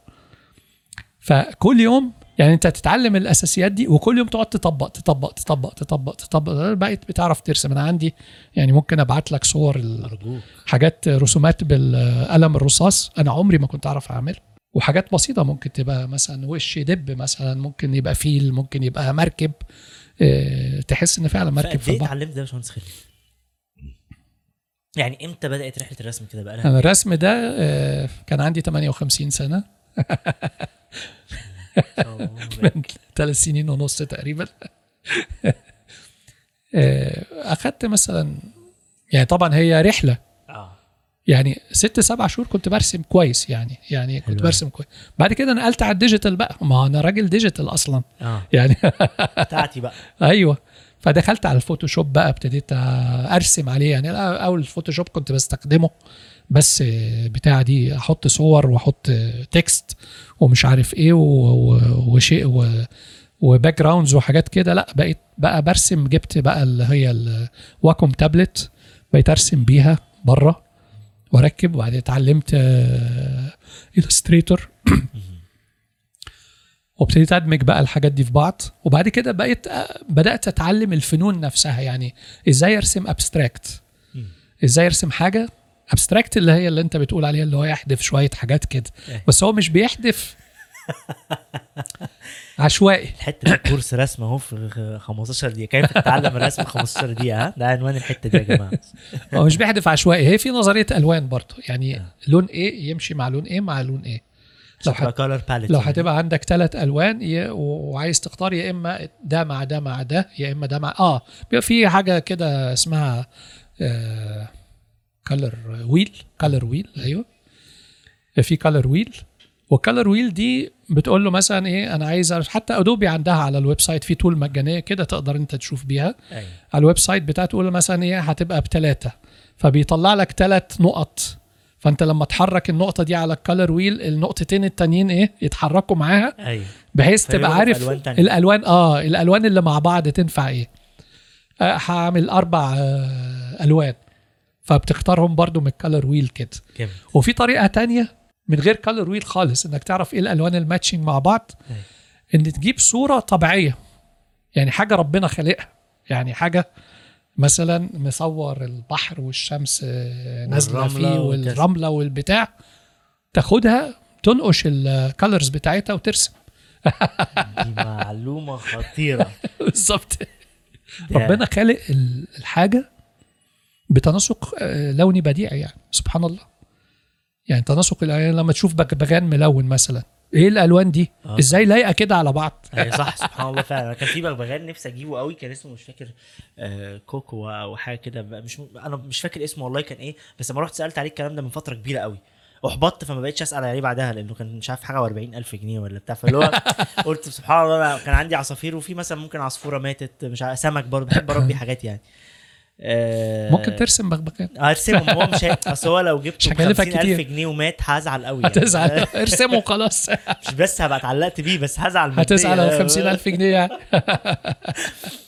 طب آه، وفي كمان ابتديت ادرس بقى الستايل بتاع الفنانين. يعني آه. بقيت مثلا أشوف style فان جوخ إيه وأرسم زيه. فعندي حاجات راسمها فان جوخ style. إحنا هنيجي زيارة الأوضة بقى صح ولا لأ الإيه الأوضة اللي فيها الخبايا والرسم اللي فيها الحاجات دي أ- قوي. في coach coach حسام الغروري من أصدقائي اللي بحبهم جدا يعني فعنده أوضة كده فيها جبل كتب كده وبنقعد ندخل وفيها حاجات فبحب أنا عارف إن في ركن زي ما. إحنا قاعدين في ركن كده هنا آه. فبحب أنا أدخل أركان الناس بقى اللي أنا بحبهم آه، فأنا عشان. كده سالتك على الركن. يعني ربنا يحفظك. هو. أنت هتلاقي معظم ال- معظم الشغل اللي أنا بعمله بطبعه digital يعني أنا مش م- ما رسمتش بالريشه ابدا. يعني ما جبتش ألوان. دي ممكن تبقى يعني خطوة تانية بس دلوقتي ال AI قضى على القصة دي. يعني مم. يعني عملت حاجات بال AI طبعا أحلى كتير من اللي أنا بعمله. بس هي مشكله ال AI إن أنت في الرسم إن أنت مش بتتحكم بسهولة في الرسمة في ال output اللي طالع. زي الريشة والحاجات وكده ولا إيه؟ Artificial intelligence. آه أنا قصدي ال AI مش بيديك الفرصة زي ما بترسم بالفرشة أو بت... أو حتى بالريشة؟ بال Photoshop. آه okay. مش مش زي الفوتو يعني ال Photoshop برسم مثلا ببقى عايز أرسم جبل بشكل معين أها. والشمس نازلة وراه بطريقة معينة والسحاب فوق وفي واحد بالقارب بتاعه Yes. بيقدف في المية قدام في البحيرة واخد بالك؟ وفي شوية شجر. ف- فبعمل اللي أنا عايزه. Yes. إنما ممكن أقول لل AI ارسم لي جبل وفي شمس ورا البتاعه دي وواحد في البتاع. هيرسم لك حاجة تانية يعني مش فيها تخيلك فيها ال فيها ال items دي بس مش اللي أنت تخيل بتتخيله. ممكن يبقى أحلى بس Yes. مش اللي أنت عايزه برضه. هو تعال- في الأغلب بيبقى أحلى بس مش اللي أنت مش ال direction اللي أنت عايزه. حلو قوي. فإنما ال Photoshop لا أو الرسم حتى بالفرشة لو أنت بترسم فرشة لا أنت هتعمل الحاجة اللي أنت متخيلها بالظبط. اتعلمت إيه تاني يا باشمهندس خالد؟ عشان إحنا في انبهارات. ده أنا أنا قاعد بتعرف مع باشم- على باشمهندس خالد في البودكاست أكتر ما أنا يعني انبهرت بره البودكاست. بص أنا اتعلمت بقى صناعات كتير قوي من خلال ال business. يعني إيه؟ يعني مثلا واحد شغله آه، بيتاجر في منتج معين مثلا مصنع فراخ. حلو قوي. بخش أشوف ال cycle كلها يعني لو حتى هورد له computers ولا هعمل له software ولا هعمل له marketing solution بتذاكر ال business آه بخش بذاكر وبشوفه هو ال cycle ماشية إزاي وبيجيبها منين وبتاع وبتتعلق إزاي في ال... في البتاع وبعد كده بتتذبح إزاي و... وإزاي بيقدر يفصل الفراخ السليمة عن النص نص. يعني آه فتقدر تفتح business فراخ لو حبيت الصبح. آه ببقى فاهم لو خدت فراخ تاني أبقى فاهمه يعني أنا في شغل في شغل جالي في شغل كبير جالي ناتج عن فهمي ل business معين. okay. يعني أنا مثلا جاي في وقت من الأوقات قلت إيه طب ما أنا معايا شوية فلوس كده شايلها على جنب. طب ما اضرب فيها في البورصة. فالمهم إيه شفت حد من صحابي قال لي بص آه، ممكن تفتح آه، حساب وبيتكود بيجي لك كود من البورصة ومش عارف إيه وبعد كده بتقدر ت- تعمل trading يعني. حلو قوي. طيب ما كنتش فاهم أي حاجة يعني. المهم حطيت فلوس في الشركة وبعد كده لقيت السمسار عمل بيها كام trade كده خسرت حوالي 40% من الفلوس دي في أسبوع. أو أسبوعين مش فاكر. okay. قلت له لا وقف. وقف. ما تعملش أي حاجة غير لما أنا اللي أقول. أنا اللي هدي الأوامر. وكده. طب أنا عملت إيه بقى؟ قمت داخل على أمازون جبت أربع كتب. في ال trading أفهم how to trade في البورصة. منهم طبعا أنا أهم كتاب عندي لما عاوز أتعلم حاجة جديدة ال- ال series بتاعت ال Dummies اللي وراك دي. بموت فيها. أيوه. جامدين جدا. أي حاجة جديدة ما أعرفهاش وعايز أتعلمها Dummies. أروح لل Dummies الأول. يعني اتعلمت accounting عن طريق ال Dummies. هم خطار research team مرعب. آه ات- اتعلمت حاجات كتير قوي في بداية ال marketing. Dummies واخد بالك؟ حاجات كتير قوي اتعلمتها. فبدأت بكتاب Dummies trading for Dummies فبدأت أفهم كل ال ecosystem ده بتاع البورصة. ويعني إيه سهم؟ يعني إيه كوبون؟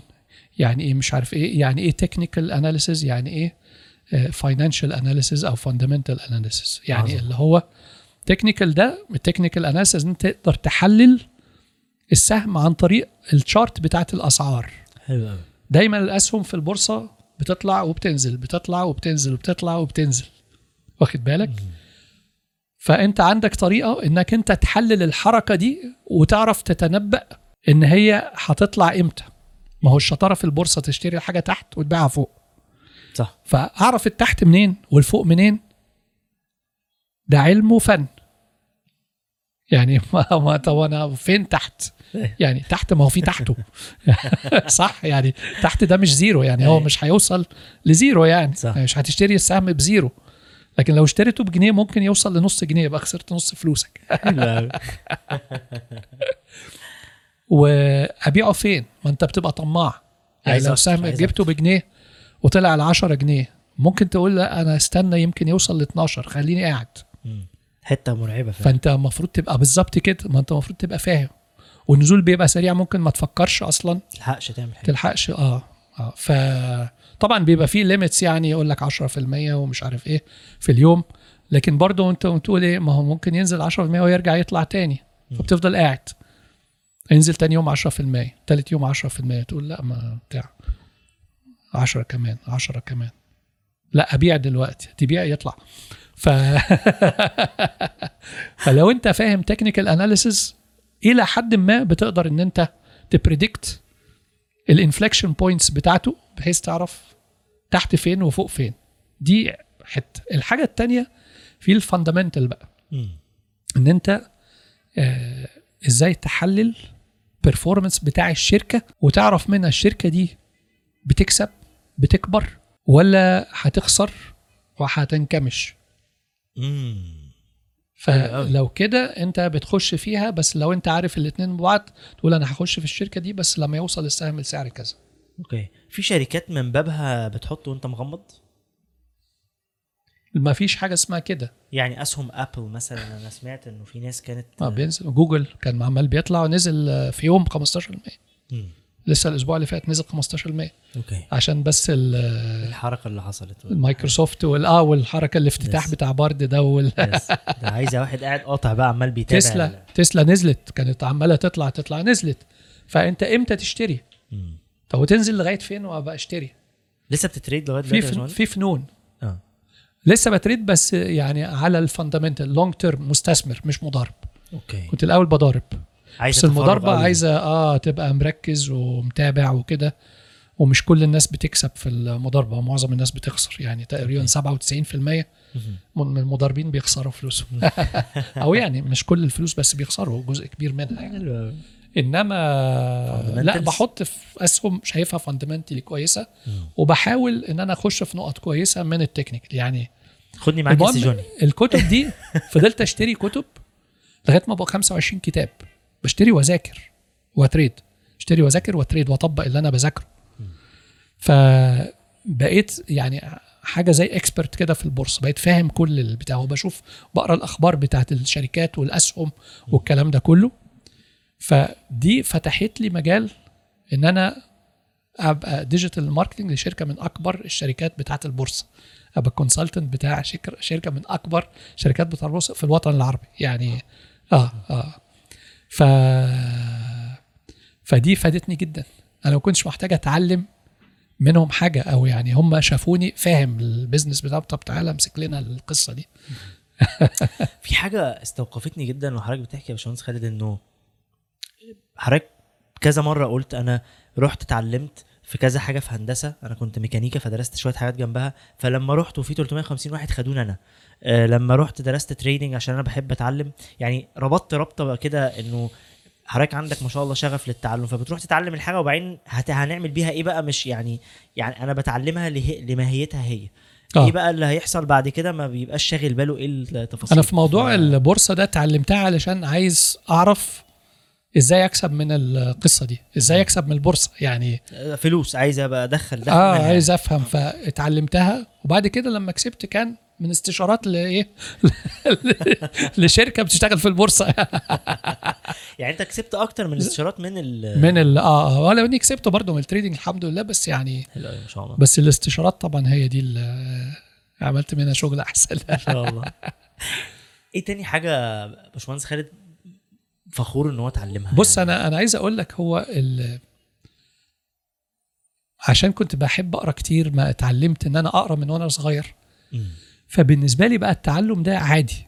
يعني بقت يعني business as usual يعني يعني life as usual إن أنا إيه عاوز أتعلم حاجة طب ما أتعلمها إيه المشكلة؟ يعني حتى لما عاوز تتعلم رسم. قلت لا أكيد في طريقة بيتعلموا منها الرسم أخش أدور. يعني أيوة. كل حاجة ممكن تلاقيها على اليوتيوب وعلى ال- وعلى أمازون هتلاقي كتب بتعلمك الموضوع الفلاني. لو عايز تتعلم طبيخ هتعرف لو عايز تتعلم أي صح. حاجة هتعرف يعني. صح جدا. ف فأنت أي حاجة عايز تتعلمها تقدر تعلمها. أنت بس اتصرف في وقتك صح. أنت ليه تقعد على القهوة؟ لما يبقى في إيدك تتعلم حاجة تفيدك يعني. اختيارات. آه اختيارات. بالظبط. أنت عندك 24 ساعة. وأنا عندي 24 ساعة صح. وبيل جيتس عنده 24 ساعة وإيلون ماسك عنده 24 ساعة. والراجل قاعد على القهوة عنده 24 ساعة زينا. صح. يعني بس كل واحد بيعمل بال 24 ساعة بتاعته حاجة تانية. بتفرق. طبعا كل حاجة نصيب ورزق من ربنا سبحانه وتعالى مكتوب وقدر وكل حاجة. بس إحنا برضو السعي اتخلقنا عشان نعمل حاجة. يعني اتخلقنا عشان نعمر في الأرض. وهنتحاسب على وقتنا. ولا مش هنتحاسب؟ متحاسب طبعا. هنتحاسب على وقتنا. ده من أوائل ما أنا مش مش فاكر بالظبط إيه إيه الأسئلة اللي الواحد هيسألها لكن هيتسألها عن عمره لما فيما أفناه. عمرك فيما أف... آه. آه. عمره فيما أفناه دي اللي هي الوقت, الوقت. اللي هي الوقت. عملت فيه إيه؟ صح. أنت آه، يعني شايل أمانة. أنت شايل أمانة. مم. آه كلنا بنضيع وقت ما قلناش حاجة. طبعا. بيحصل. إنما ما يبقاش ال default إن وقتك ضايع وأنت ممكن تعمل حاجة مفيدة. مم. يعني ما يبقاش هو ده ال default يعني. صح جدا. صح؟ إيه إيه أكتر حاجات آه، هو- هوايات حضرتك بتعملها بتفرق معاك؟ أو أنا ما شاء الله إحنا ال meditation بادئ من حضانة فيعني أيوه. القصة بتاعت التأمل دي بادئة بدري قوي ما شاء الله. أنا اتعلمت ده في الثلاثينات يعني أروح أقعد وأتأمل فما شاء الله بادئه بدري. طب إيه تاني؟ يعني آه، بص وأنا طبعا بحب الرياضة. آه، بحب أعوم. صيف شتاء يعني ممكن اعوم لأن أنا أصلا اسكندراني أنت عارف سمكة يعني ف... المايه بتاعتنا بقى. فالميه دي مولود فيها تقريبا يعني. ف فهي الرياضة طبعا بحب رياضة لحد النهارده آه، السباحة بحبها. حلو آه، طبعا الرسم بيساعدني يعني لما بقعد أرسم كده وبتاع بيساعدني يعني بحاجه جميلة يعني. زائد القراءة. قرأت كام كتاب يا باشمهندس؟ لا كتير كتير. بتعد ولا لأ؟ بص يعني أنا مثلا في اللي عندي على اللي اشتريتهم في الآخر سبع ثمان سنين ككتب ممكن يبقى مثلا 400 كتاب ولا حاجة ما بين امازون وكندل و- و audio. غير الكتب اللي اشتريتها يعني physical يعني. لكن طول عمري بقرأ كتب يعني. وال... و... الفكرة إن كل كام سنة كده مراتي تقوم جاية إيه واخدة الكتب موزعاها. توديها في حتت يعني فأنا طب أنا فين؟ دي كتب قديمة. أنا عايز كتب؟ من. هواياتي بنزل لا ده أنا كتب قديمة كمان أنا دي من الهوايات يعني. والله؟ آه والله. آه. في مكتبة عندنا في المعادي كده بنزل آه، ممكن أقعد فيها خمس ساعات حرفيا. أطلع بس أصلي وأدخل تاني. يعني ياه. آه. وبقى ساعات بروق مع الراجل المكتبة يعني. بجد؟ آه. ما شاء الله. ممكن وإحنا نازلين آه، نعدي عليها ولا حاجة. هتتبسط قوي قوي في شارع تسعة ولا فين؟ في شارع تسعة. شارع تسعة. شارع تسعة ده جميل يعني. بحبه جدا قوي جدا. آه.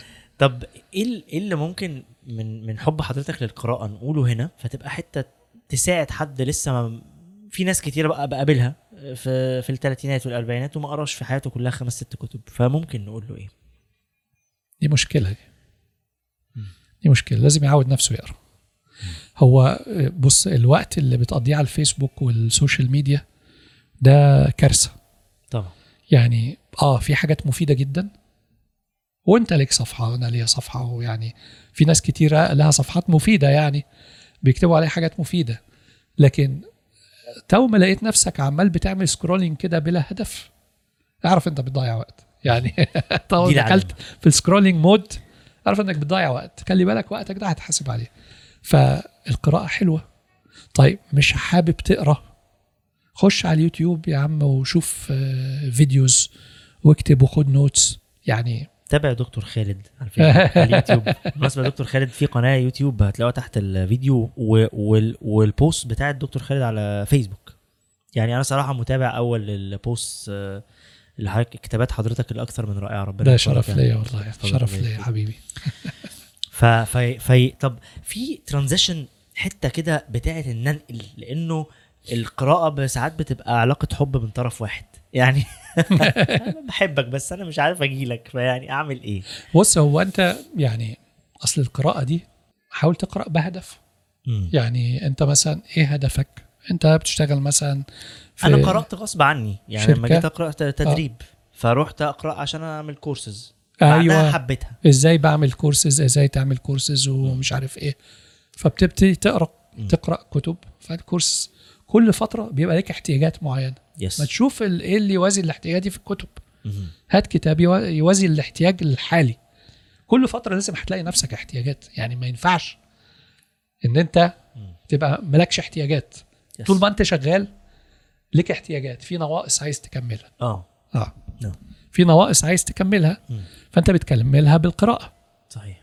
فأنا كنت بعمل كده على طول. يعني كل فترة بقرأ في حاجة محددة عشان أتعلم تتناسب. مع احتياجي. آه. يعني حتى في فترة المراهقة كنت بقرأ كتب اللي هي فيها معلومات عامة. عشان أنا كنت وقتها محتاج معلومات عامة. محتاج أزود المعلومات العامة بتاعتي بحيث لما أقعد مع حد يبقى الكلام بتاعي لطيف يعني يبقى بعرف أقول له حاجة تجذبه. حضرتك أول ما بتتكلم الصراحة بتجذب اللي حواليك كلهم. يمكن آه، من الحاجات يعني ال- المعلومات الخطيرة آه، ويمكن دكتور خالد قالها وبيقول يعني أنا عارفها بره البودكاست خالص قصة الخجل يعني ما شاء الله يعني بنتعلم منه آه، يعني آه، حتة الحياء والخجل ما شاء الله لا بنبقى قاعدين في قعده ساعات قعدنا آخر مرة كان كانت قاعدة خمس ست ساعات. أفتكر دكتور خالد تقريبا كان كلامه قليل جدا. ووقتها أنا يعني يمكن الواحد الحمد لله من نعم ربنا الكبيره علينا إن الواحد ال 14 سنة في ال business كلهم تعامل مع ناس و trainings ومش عارف إيه و public speak و coaching فده علمني حاجة مهمة قوي إنه هدية من ربنا الواحد يشوف الناس. يعني يحصل تلاقي فكري. فعرفت ان هو آه، ساكت صمت حكمة يعني. كنت مستنيه يتكلم جدا. في, في القعدة والله ده. feedback أنا ما كنتش أعرفه عن نفسي لا يعني والله بس بجد بجد. وبعدين فعلا وأول وهو متعمد تقريبا يت- يتكلم آخر واحد ودي حتة برضه خدت بالي منها. كل الناس كانت بتتكلم عن نفسها وبتتكلم عن ال business مش عارف إيه ودكتور خالد قاعد ساكت تماما واتكلم في آخر ربع ساعة قبل ما نقوم. الربع ساعة دي كل الناس قاعدة سايبة اللي في إيديها واللي كان ماسك سندوتش سابه وكله قاعد بيسمع. بص هو أنا زمان كان عندي شجاعة إن أنا أقف واتكلم لو قدام 500 نفر ما عنديش أي مشكلة. زي ما بقول لك دي كان يعني إيه ال ال عارف دانين كروجر عارف دانينج كروجر ولا؟ لا؟ في curve كده بتاع واحد اتنين يعني واحد اسمه دانينج وواحد اسمه كروجر. آه. عملوا curve كده بيقول لك وأنت مبتدئ لسه بتكون ثقتك في السماء فوق. وكل ما تتعلم أكتر كل ما الثقة بتاعتك بتقل بتقل بتقل بتقل لغاية ما توصل لحتة تبتدي أنت اتعلمت حاجات كتير فثقتك بتزيد شوية شوية شوية. وبيقف في نقطة النقطة دي أقل كتير من النقطة اللي أنت ابتديت كنت بيها. فيها في الأول. آه يعني أنت وأنت مبتدئ ثقتك في السماء يعني 100% تقريبا ثقة. فلما بتقل بتوصل ل 30% وبعد كده لما بتعلى بتكون خلاص يعني بقيت غزير العلم توصل ل 50% فأنا دلوقتي أنا يوم القعدة دي كان كل واحد بيعرف نفسه بيتكلم يعني بيقول أنا مين وبدأت إزاي وعملت إيه. أنا كنت قاعد في آخر القعدة بقول يا رب القعدة ما تنتهي قبل ما أنا إيه؟ أحكي عن طب ليه طيب؟ ببقى خايف. ببقى خايف يعني ما يعني آه، لما لما قال كده حالا حسيت بال آه، اللي أنا كنت اخرس بقى وأسكت يعني ما يعني لما جيت دور عليا اتكلمت ربنا يحفظك. بص هو آه، أنا كان من ضمن الحاجات اللي أنت كنت بتسألني سؤال بتقول لي إيه الحاجة اللي أنت مخليك بتحب تتعلم كمان يعني أنا لاحظت في ال... يعني وأنا شغال إن كل فترة في ترند بتاع تكنولوجي بيجي بيبهدل ال business يعني بيقلب راسا على عقب. ال business راسا على عقب. يعني ولاحظت حاجة تانية إن أنا كنت ببقى مراقبه من قبلها. ببقى شايفه هو جاي ببقى شايف الموجة وهي جاية. فكنت ببقى جاهز. يعني موضوع ال software ده بدأته من بدري. كنت حاسس إن ده يعني بتاع يعني هيبقى موجة عنيفة. بعد كده ال- الانترنت. أنا عرفت إن في انترنت هتيجي آه. مثلا من سنة 90 الإنترنت جت سنة 95 يعني بقى ال World Wide Web اللي هي ال WWW لما بقى الإنترنت على browsers وبقت متاحة للناس كلها ده كانت متاحة في 95 أنا كنت متابعها من سنة 90 وبتابع أخبارها. لدرجة إن أنا كنا كنت قاعد في اسكندرية كان ليا صاحبي واحد صاحبي بيشتغل في جنرال الكتريك في مصر. وكنت مرة قعدت معاه قال لي في حاجة اسمها e-commerce هتحصل. ياه ده آه. وإيه كانت قاعدة كده وخلصت القعدة يا بيت اتلخفن كان في كذا حد. فكلمته في التليفون مرة وأنا في اسكندرية. قلت له أنا عايز أجي لك أقابلك. عايزك تشرح لي يعني إيه e-commerce فرحت له في مكتبه في General Electric كان في الجاردن سيتي okay. على الكورنيش. قعدت معاه ساعتين قعد يشرح لي ال e-commerce اللي هي اللي حصلت بعدها بكذا سنة.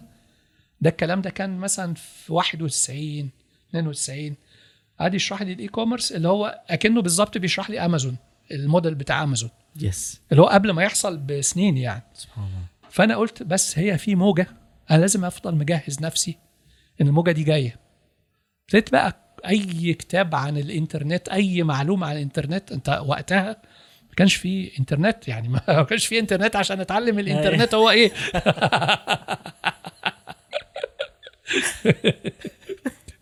فكنت بجيب مجلات كنت بجيب كتب حاجات بتتكلم في تكنولوجي لها علاقة. ف وأفضل أقعد أقرأ وأذاكر وأشوف إيه اللي هيحصل. وجهزت نفسي فعلا 95 كنت عندي department في ال business بتاعي. في شركة الكمبيوتر department بتعمل website يعني أول ما قالوا يعني أول ما قالوا يلا websites إحنا جاهزين. أنا جاهز. كنت عارف وكنت أعرف أعمل website بنفسي. يعني وقتها كان HTML بتاع تكتب آه، اسطر يعني مش آه، مش جرافيك user interface دلوقتي اللي بيعمل لك ال- WordPress وشوية الحركات اللي لا ما في كانش في حاجة من دي. آه. ف... فركبت الموجة بتاعه ال الانترنت بتاع ال web development على طول من أولها يعني. وطبعا بالنسبة لل digital marketing وال digital يعني أنا كنت من. يعني الناس اللي بنوا الموجة دي هنا يعني. يعني أنا ركبتها وعملتها يعني كنت شغال عليها يعني يعني يعني كنت بحط ال- ال- ال bricks بتاعتها الأولانية بتاعت ال- ال business ده الحمد آه، لله يعني بفضل الله.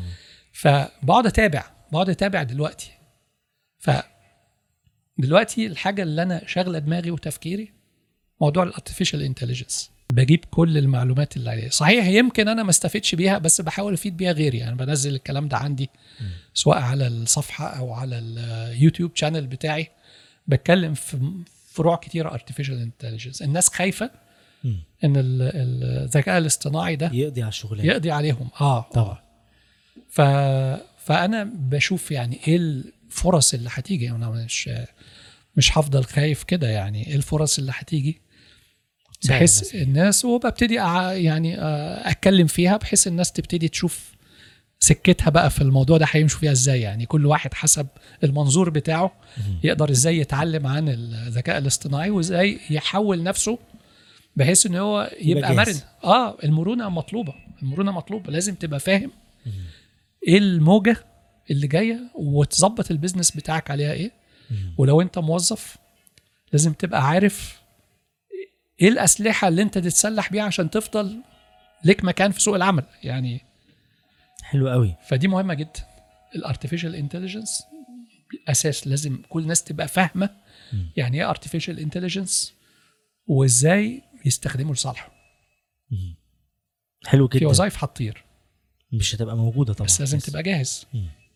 وفي وظائف هتبقى أقوى كتير باستخدامك لل artificial intelligence يعني تستخدم ال tools بتاعتك تقوي بيها اللي انت بتعمله. هتبقى انت أجمد واحد واللي مش مستخدمها ده ح...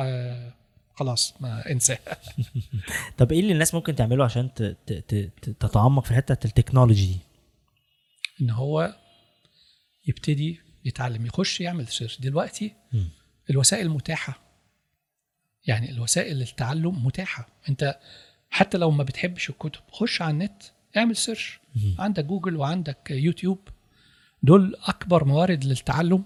خصوصا يوتيوب صراحة يعني. yes دلوقتي أي حاجة عايز أعرفها خش على اليوتيوب أسأله يطلع لي فيديوهات كتير قوي بتتكلم في الموضوع ده. طبعا. عايز تتعمق أكتر بقى وتطلع خش على مثلا حاجة زي Udemy أو Coursera أو أي حاجة من ال ال ال ال websites اللي عليها كورسز وخش اتعلم. الموضوع أوي. بسيط يعني سهل. حلو قوي ما أعرفش رابطة ممكن تبقى ملهاش علاقة وس... ويبدو إن إحنا خرجنا بره السياق بس ب... في كذا حد نتكلم مع بعض لما نروح في حتة وألاقي حد بيحب التعلم قوي وعنده شوية أنشطة مختلفة فتلاقي المشي له دور آه. في حاجة. أنا يعني بص المشي بيفيدك برضو في التأمل. يعني أنا معظم الأفكار بتجي لي إمتى؟ يا إما وأنا ماشي بس المهم ما يبقاش موبايلك معاك تقعد آه،. وانت ماشي بس مش ماشي وبتسكرول. أو في السفر. في السفر. أنت عندك وقت في الطيارة ممكن يبقى ثلاث ساعات. ده ما فيش بقى موبايل ما فيش حاجة. أنت والسحاب وهواك. أنت والسحاب آه. وممكن تتفرج على فيلم بس تطفيه آه. في الوقت ده دماغك بتبقى شغالة بتحل مشاكل ممكن أنت تبقى ما, ما يعني مش عارف تحلها ابدا. وبتقدر تخطط لقدام. ده وانت مسافر عادة. يعني فدي بتبقى لطيفة جدا. حتى لو مسافر في قطر. يس اركن التليفون وتأمل في الايه في الدنيا بتاعتك اللي فات واللي جاي. فتقدر إن أنت تطلع حلول كتير قوي قوي حلو قوي في كل كل حد فينا بيبقى عنده كده نقله يعني transitions أو U-turns في حياته أو بيبقى في وقفة فرقت فرق فرقت في حياته سواء بلد سافرها نشاط عمله ف آه أنا من الوقت من الحاجات اللي فرقت معايا إن أنا دخلت في في شغل بتاع معارض. معارض ومؤتمرات. أنا كان معايا صديق في المدرسة. ده كان والدته ألمانية والده كان مصري. واتخرجنا. اختفى 15 سنة. وبعد كده قابلته قدرا كده يعني. قدرا كده قابلته كنت رايح معرض بتاع كمبيوتر. فقابلته في المعرض ده.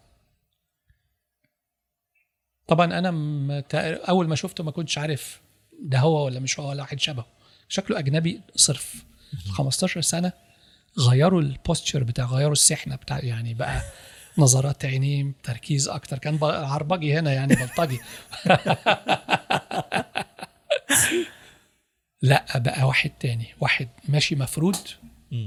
واخد بالك؟ لابس بدلة محترمة. مفرود.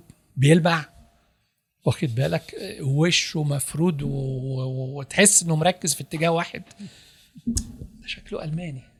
ده شبه أشرف اللي كان معايا. قلت أعمل تجربة كده. أشرف! وكان معاه واحد تاني أجنبي بقى بصحيح. أوكي. لقيته بيلف. مين ده اللي عارف اسمي هنا هو كان من اسكندرية معايا. وبعدين أنا قابلته في القاهرة في معرض في القاهرة. فجه خدني بالحضن وبتاع وإيه قال لي أنا بعمل معرض كبير قوي وأنا رايح أفتح فرع للشركة اللي أنا كنت شغال فيها في ألمانيا فهفتحه في دبي وهعمل معرض في مصر السنة الجاية. وخلينا على اتصال ببعض. اداني الكارت بتاعه وإيه واديت له الكارت بتاعي. طبعا أنا مش في دماغي أنا بشتغل في كمبيوتر أنا مالي بأم المعارض يعني. مش فمش لعبتي. ولا أفهم فيها. فالمهم آه، قلت له ماشي. لقيته بعديها بكام شهر بيكلمني بيقول لي بص إحنا مش عارفين نبيع. قلت طب ماشي أنا هعمل لك إيه؟ قال لي أنا نازل مصر وعايز أقابلك. فجه قابلني اتقابلنا في هيلتون رمسيس. خدت است... خدت قطر ونزلت على القاهرة. وإيه رحت قابلته. قعدنا ندردش سوا سوا. ده إحنا بنعمل كذا وبنعمل كذا. نعمل المعرض الفلاني. آه ده اللي في أمريكا وبيعملوا. آه أنا عارفه طبعا ده أيام من أيام بيل جيتس لما كان بشورت كان بيقف في الجناح بتاعهم. ف قال لي طب ما تبيع لنا المعرض. قلت له أبيع لك المعرض؟ أنا ما بفهمش في المجال ده. عمري ما اشتغلت على معارض قال لي مش أنت شغال في ال IT وال communication هو المعرض في ال IT وال communication مش تعرف ناس؟ قلت له أعرف كل طوب الأرض اعرفه قلت له كل المجال ده أصحابي. قال لي خلاص. قلت له ما بعتش قبل كده. قال لي بقول لك إيه هدي لك عمولة على كل متر بتبيعه مش عارف إيه. واداني الأسعار واداني كل حاجة. قلت له بص سيبني أفكر كان وقتها في موبايلات يعني كان وقتها مم. 97 كان في موبايلات يعني شغالة كان معايا موبايل. ف وأنا راجع في القطر قعدت أشوف مين اللي ممكن يخش في المعرض ده؟ قعدت اكتب الشركات كده بالترتيب الكبير لغاية الصغير. اكتب مين في كل شركة ممكن أتكلم معاه. وهو اللي يكون بياخد القرار يعني. تعرفهم. نمر تليفونات كنت حافظها. نزلتها من دماغي. آه. آه. أنا في وقت كنت بحفظ كل حاجة. في وقت لدرجة إن أنا وأنا في الجامعة كان مثلا ليا واحد صاحبي آه. كنت آه، آه، عنده مثلا عربية أبقى حافظ رقمها. ما شاء الله ما شاء الله.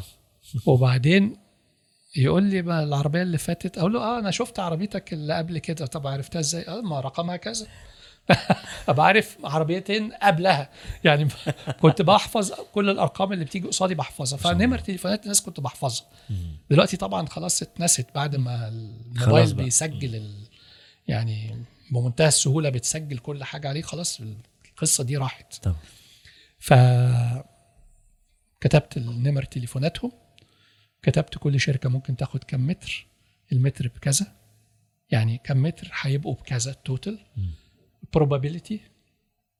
وضربت في ال probability لقيت الأرقام حلوة يعني.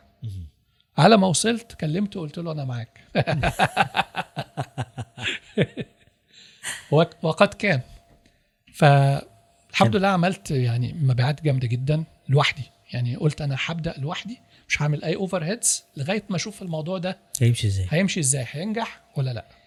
فالحمد لله يعني في خلال كام شهر كنت عامل رأس مال الشركة بتاعه المعارض اللي هفتحها في القاهرة وفتحت شركة في القاهرة للمعارض.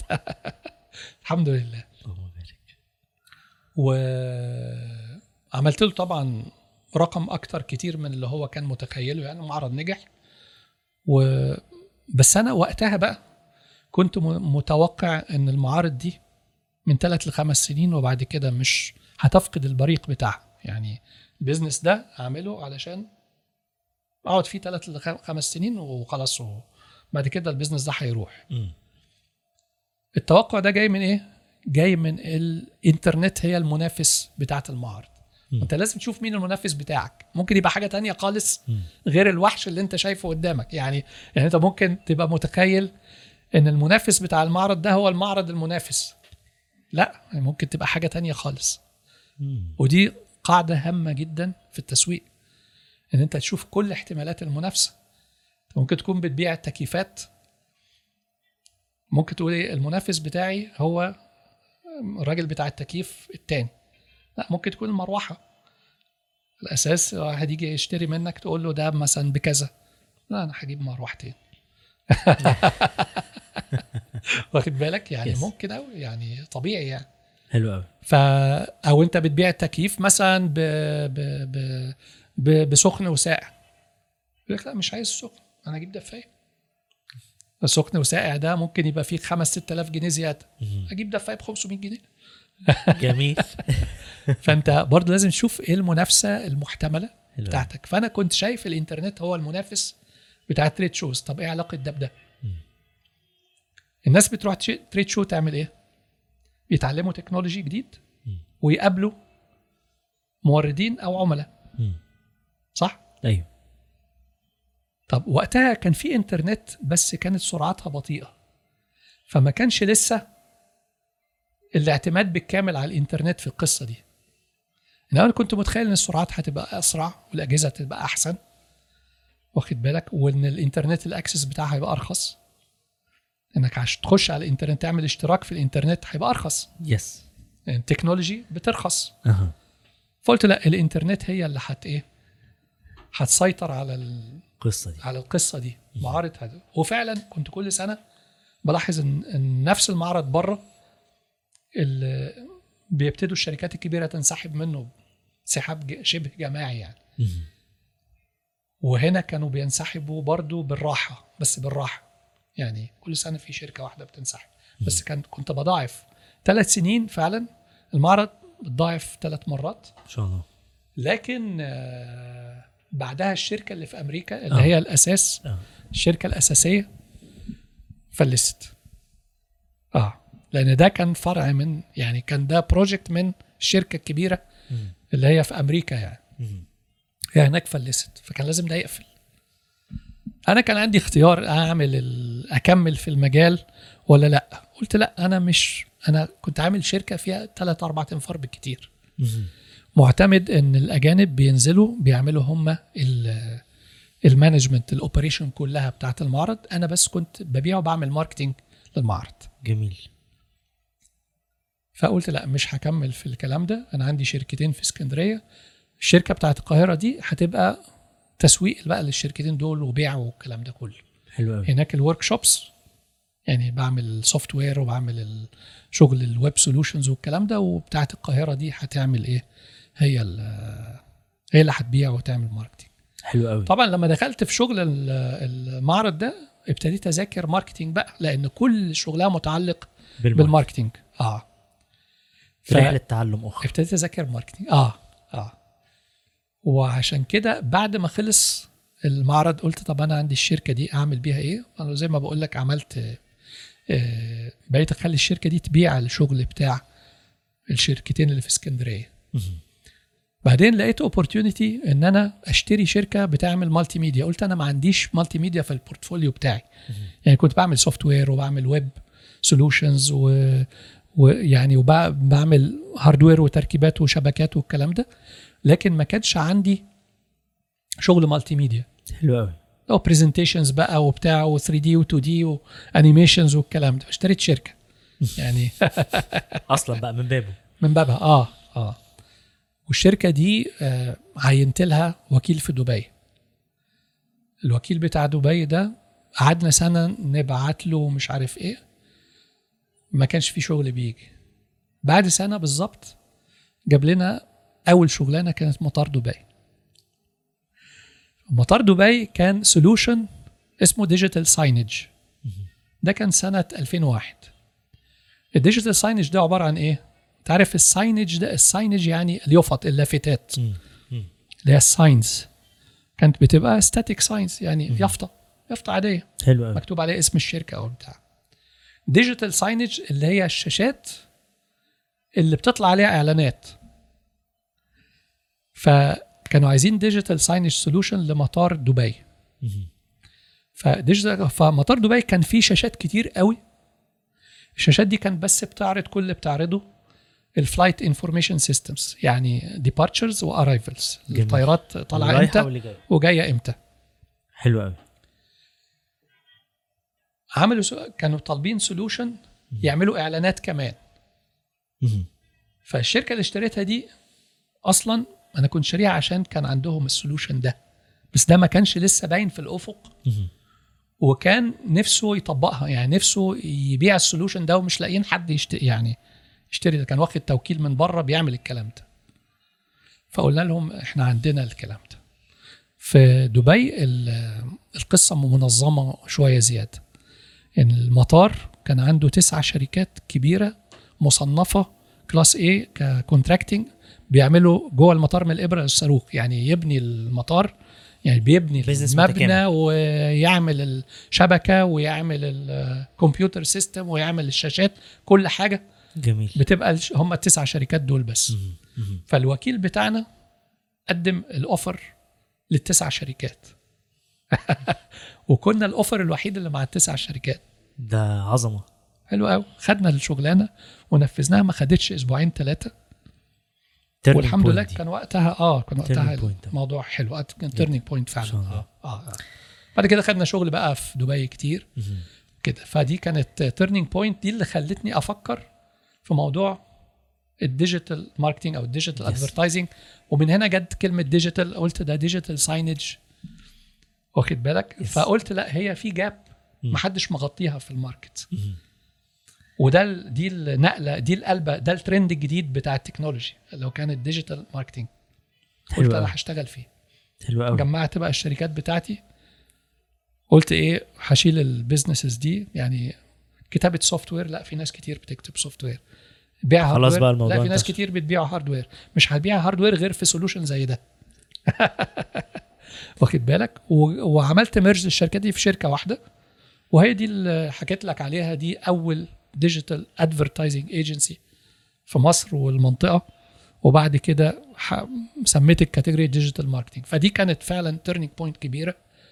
اشتغلت بعدها marketing كتير يعني ساعتها يعني لحد دلوقتي. دلوقتي طبعا أنا بشتغل آه، زي استشاري في المواضيع دي.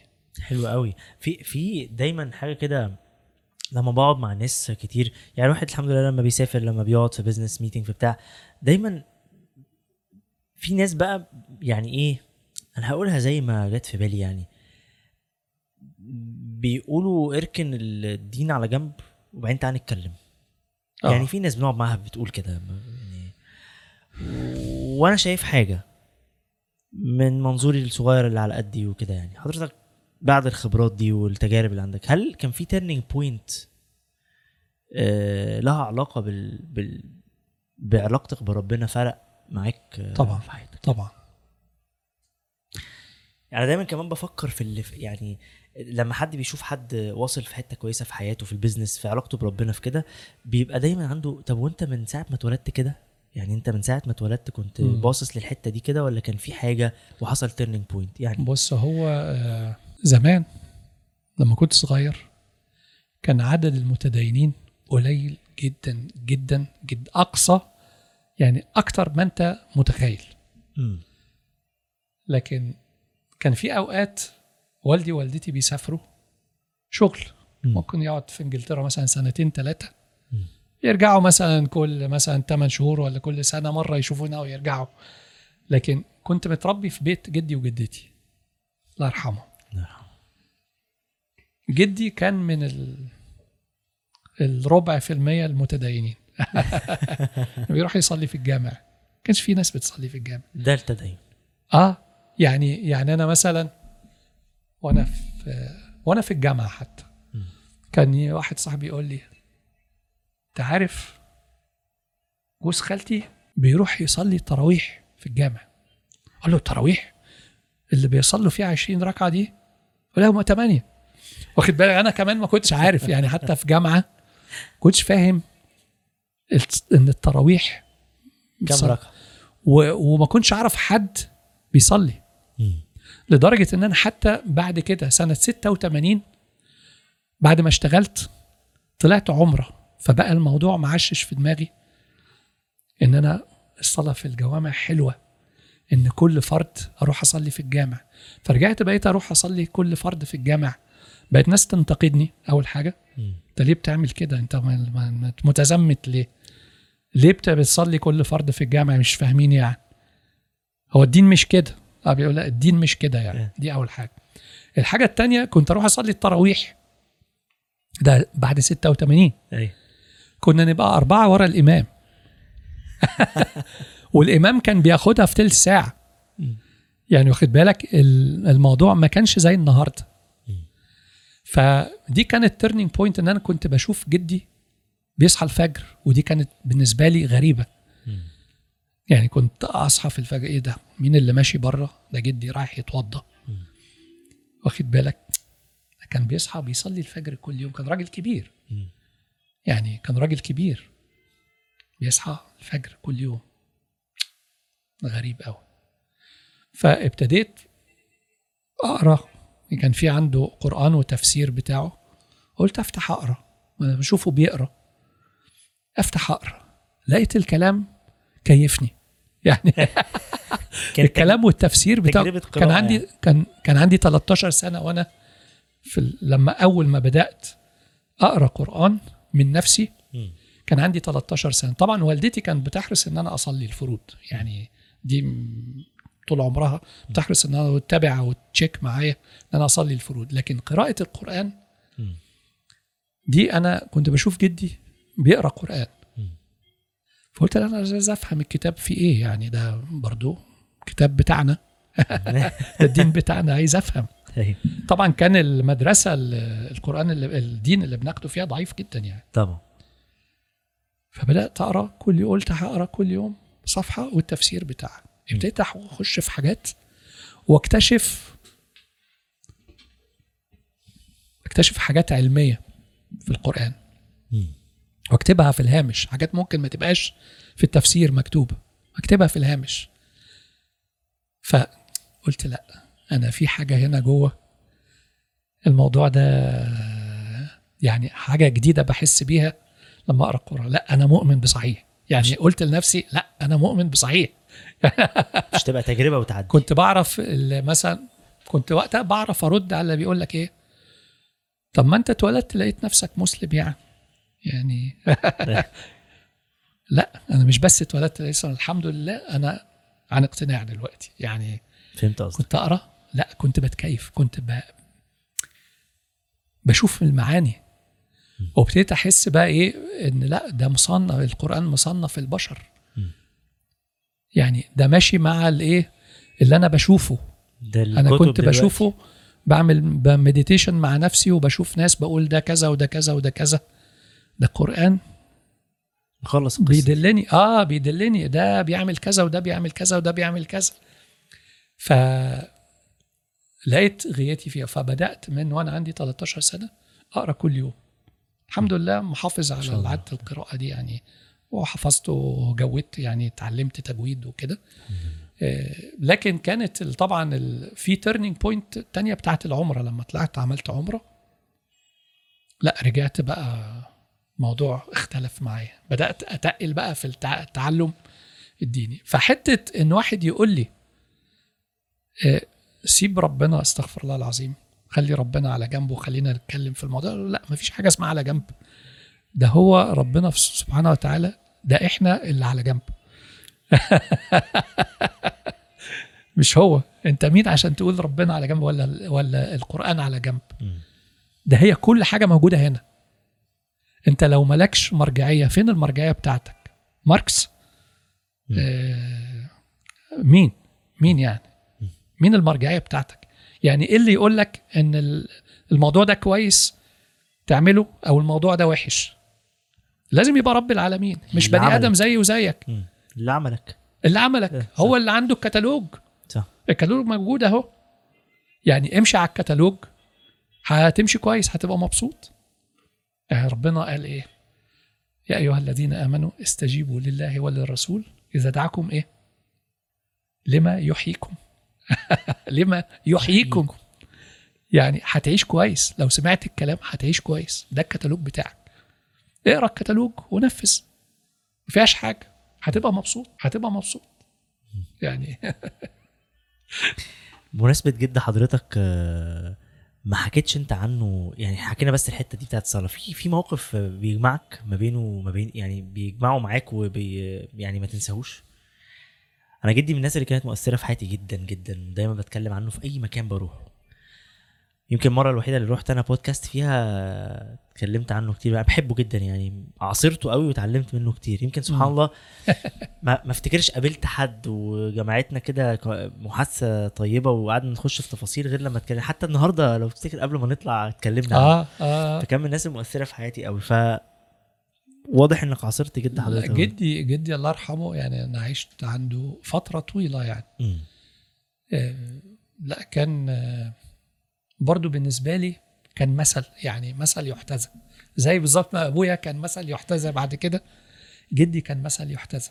يعني يعني هو كان التصرفات بتاعته بشوفها بتلزق بقى بتخش في العقل الباطن بتاعي. حتى حتى لو يعني مش كل تصرفاته عجباني أنا أصلا عيل صغير.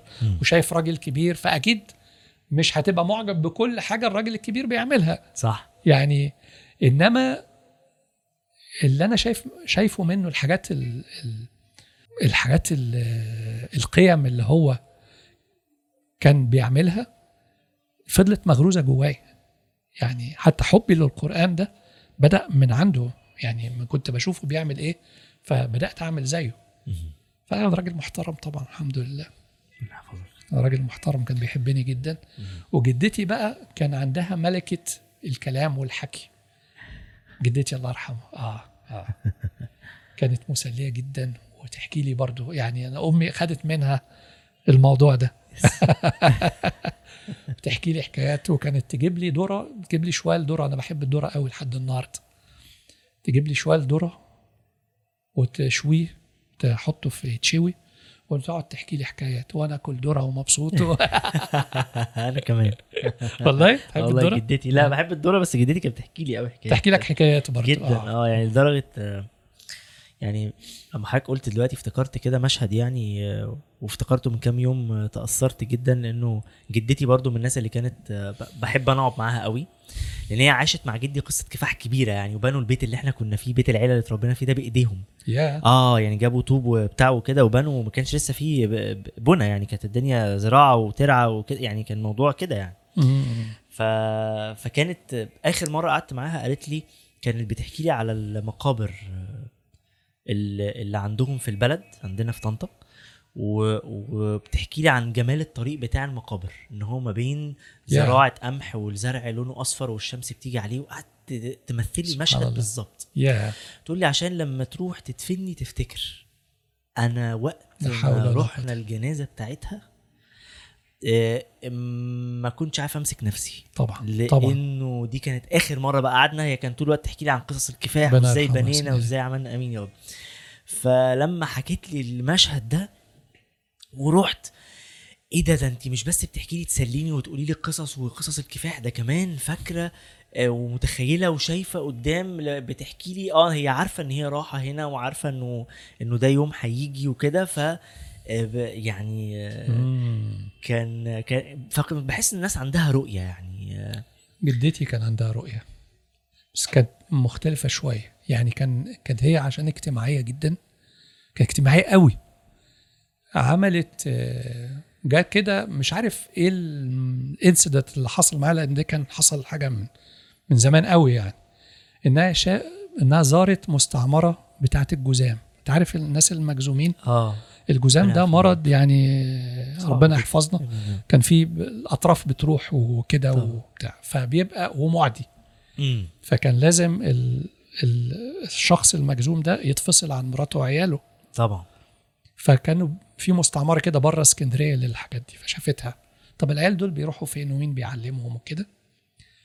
فعملت جمعية خدت أرض من المحافظة طلبت أرض تخصيص. وعملت جمعية لمساعدة مرضى الجزام الأولاد بتوعهم. آه.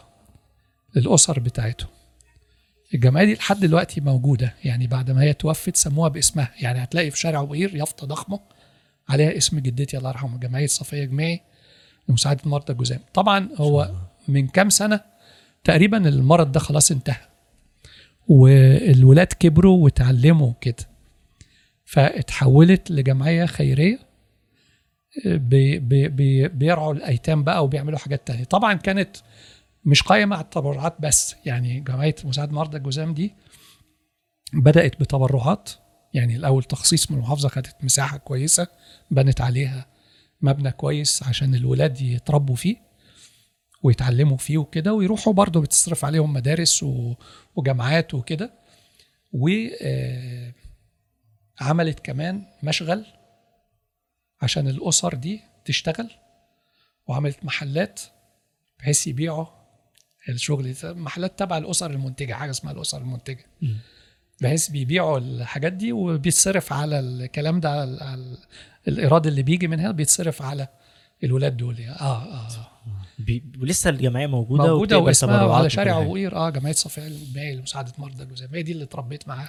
لو لو لو أنا مش عارف متاح نعمل ده ولا لأ بس يعني لو ممكن نحط يعني أنا بحب دايما لما نتكلم عن حاجة بنقول على كل حاجة بيزنس وبتاع بنحطها. فيعني لو ناخد مع بعض ثواب ونحط ده لو لو لسه الجمعية شغالة ممكن آه هي أختي اللي ال- ماسكاها الحمد لله. آه أختي. ماسكاها وشغالة مشغلاها دلوقتي الحمد لله حلو جدا فقصدي نحطها للناس يعني لو حد حابب مهتم تمام. يخش يشوف طيب إحنا اتكلمنا عن دور أهلنا وإزاي والجد حتى كان مؤثر جدا في حياتنا طب حضرتك ما شاء الله آه، في أولاد آه. يعني الحمد الله الحمد فانا تشرفت حتى بلقاء اتنين منهم النهارده. فيعني آه، آه، إيه أكتر نصائح نوجهها لحد مربي آه، من تجربتك في التربية بقى التربية الجميلة اللي- باللي أنا شفته يعني ما شاء الله. اللهم بارك يعني. بص آه، طبعا أول حاجة اختيار الزوجة. من الأول خالص. آه بالظبط. هي كل حاجة لها أصول يعني. كل حاجة لازم ترجع لأصلها. تختار زوجة كويسة صالحة. عشان هي اللي بتقعد معاهم معظم الوقت. أنت بتروح تشتغل. الحاجة التانية إنك أنت آه، يعني تتحرى إن رزقك يكون من حلال. هتعرفها إزاي؟ من الدين.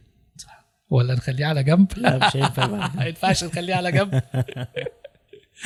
فلو رزقك من حلال وزوجتك آه، ست كويسة يبقى هتعرفوا تربوا الولاد. أكيد تصرفاتك كويسة قدامهم.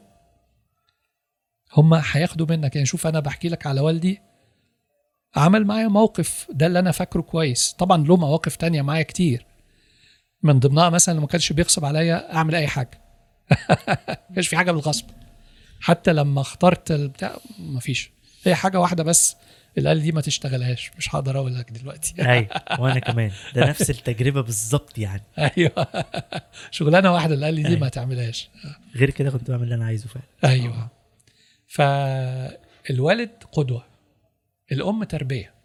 هي اللي مسؤولة عن التربية المباشرة. فلازم الأم تديهم وقت. كل ما كانت الام متفرغة للكلام ده كل ما طلعوا أحسن. طبعا. يعني فهو ال- يعني عشان كده أنا لما اتجوزت حتى زوجتي الحمد لله يعني متعلمة. يعني متعلمة تعليم كويس قوي وكانت الأولى على دفعتها أو الثانية حاجة كده. آه، قلت لها بصي أنا مستعد أشتغل شغلتين وثلاثه بس انت تقعدي في البيت. يعني يعني لو مرتبي مش مكفي هشتغل بعد الظهر مش مشكلة. عشان الشغلانة التانية الأهم. ها؟ عشان الشغلانة التانية المهمة الأهم. آه. طبعا.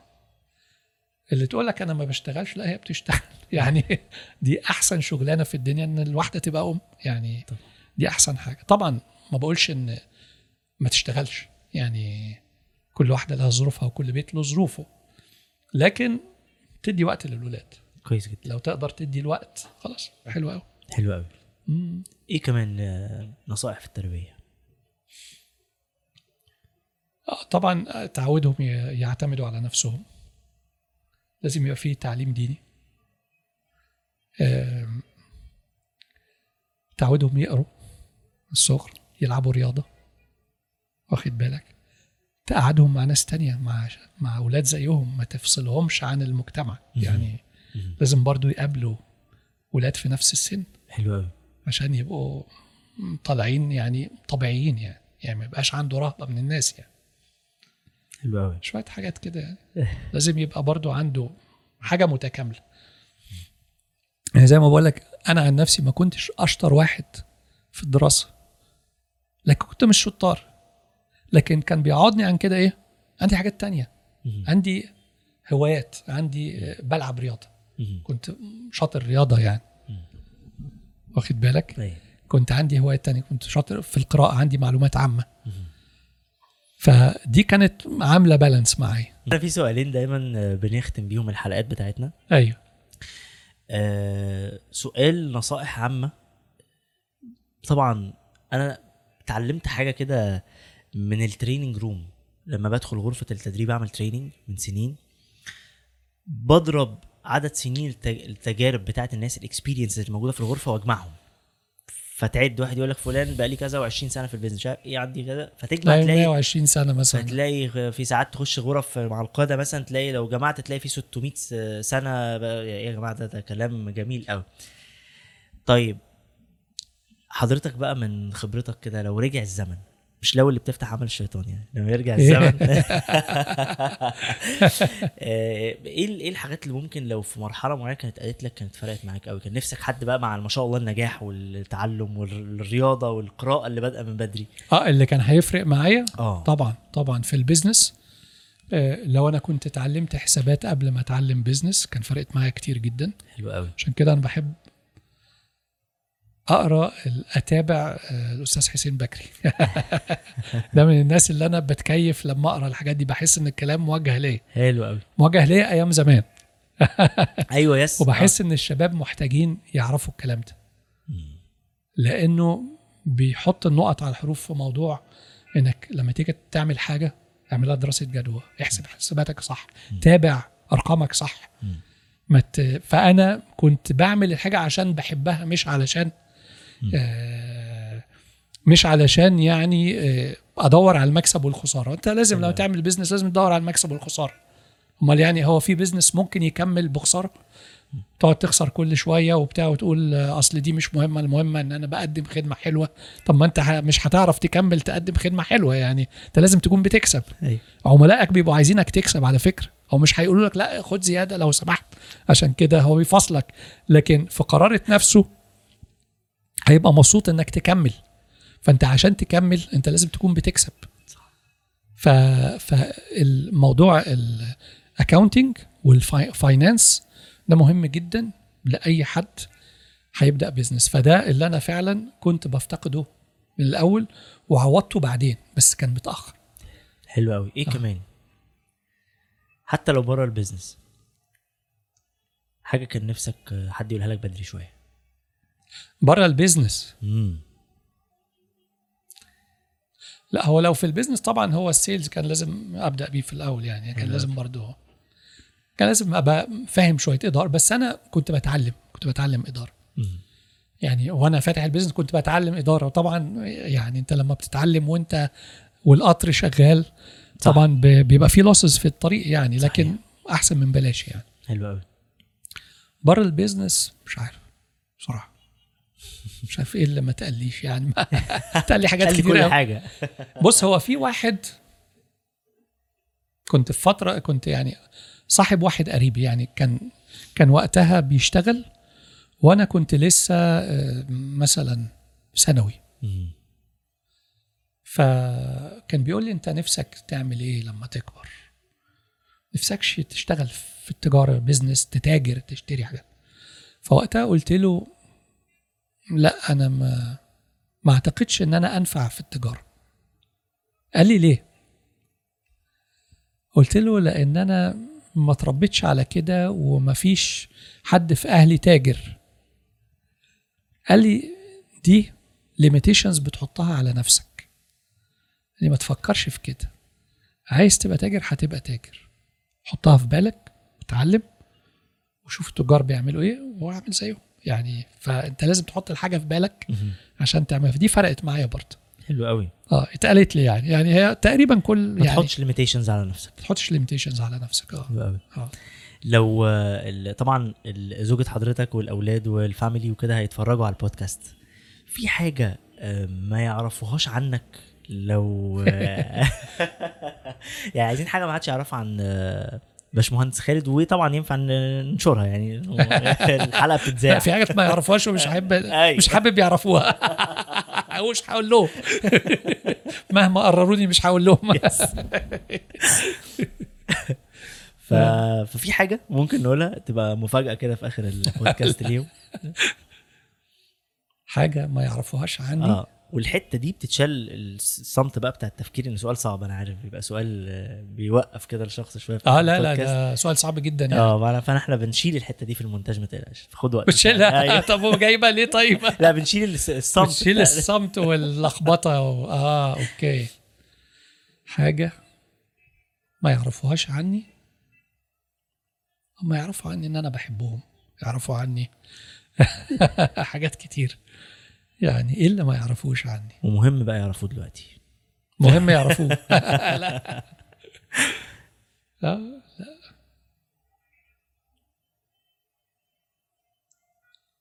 مش لاقي حاجة. أنا كتاب مفتوح. أنا كتاب مفتوح للي حواليا. بجد؟ يعني يعني بالأخص مراتي وعيالي. إذا كنت أنا في معظم الأحيان كتاب مفتوح لأي حد قدامي. يعني يعني أنا مش من اللي بيخبي وبيداري و... غير لو ذنوب يعني. أيوة. يعني مش هتكلم على ذنوبي يعني. صح. لكن آه، أنا كتاب مفتوح مش مش حاسس إن في حاجة هم ما يعرفوهاش عني. و... ومش بس كتاب مفتوح من أجمل الكتب والناس اللي أنا قابلتهم في حياتي. الله يكرمك. والله. فنورتنا. الله يكرمك حبيبي. شرفتنا. شرف كبير قوي يعني إن أنا في البودكاست أستضيف حضرتك يعني. ده شرف ليا حطها في. السي في بتاعي. ده. شرف ليا فنورتنا وشرفتنا نتمنى كمان أنتوا كمان تكونوا اتبسطتوا لأن أنا حالا في قمة السعادة وأنا بسمع البودكاست معاكم وهسمعه تاني بعد ما يتمنتج. آه، ما تنسوش تفعلوا الجرس وتشتركوا في القناة عندي وعند دكتور خالد هتلاقوا القناة بتاعته تحت ال ال الفيديو.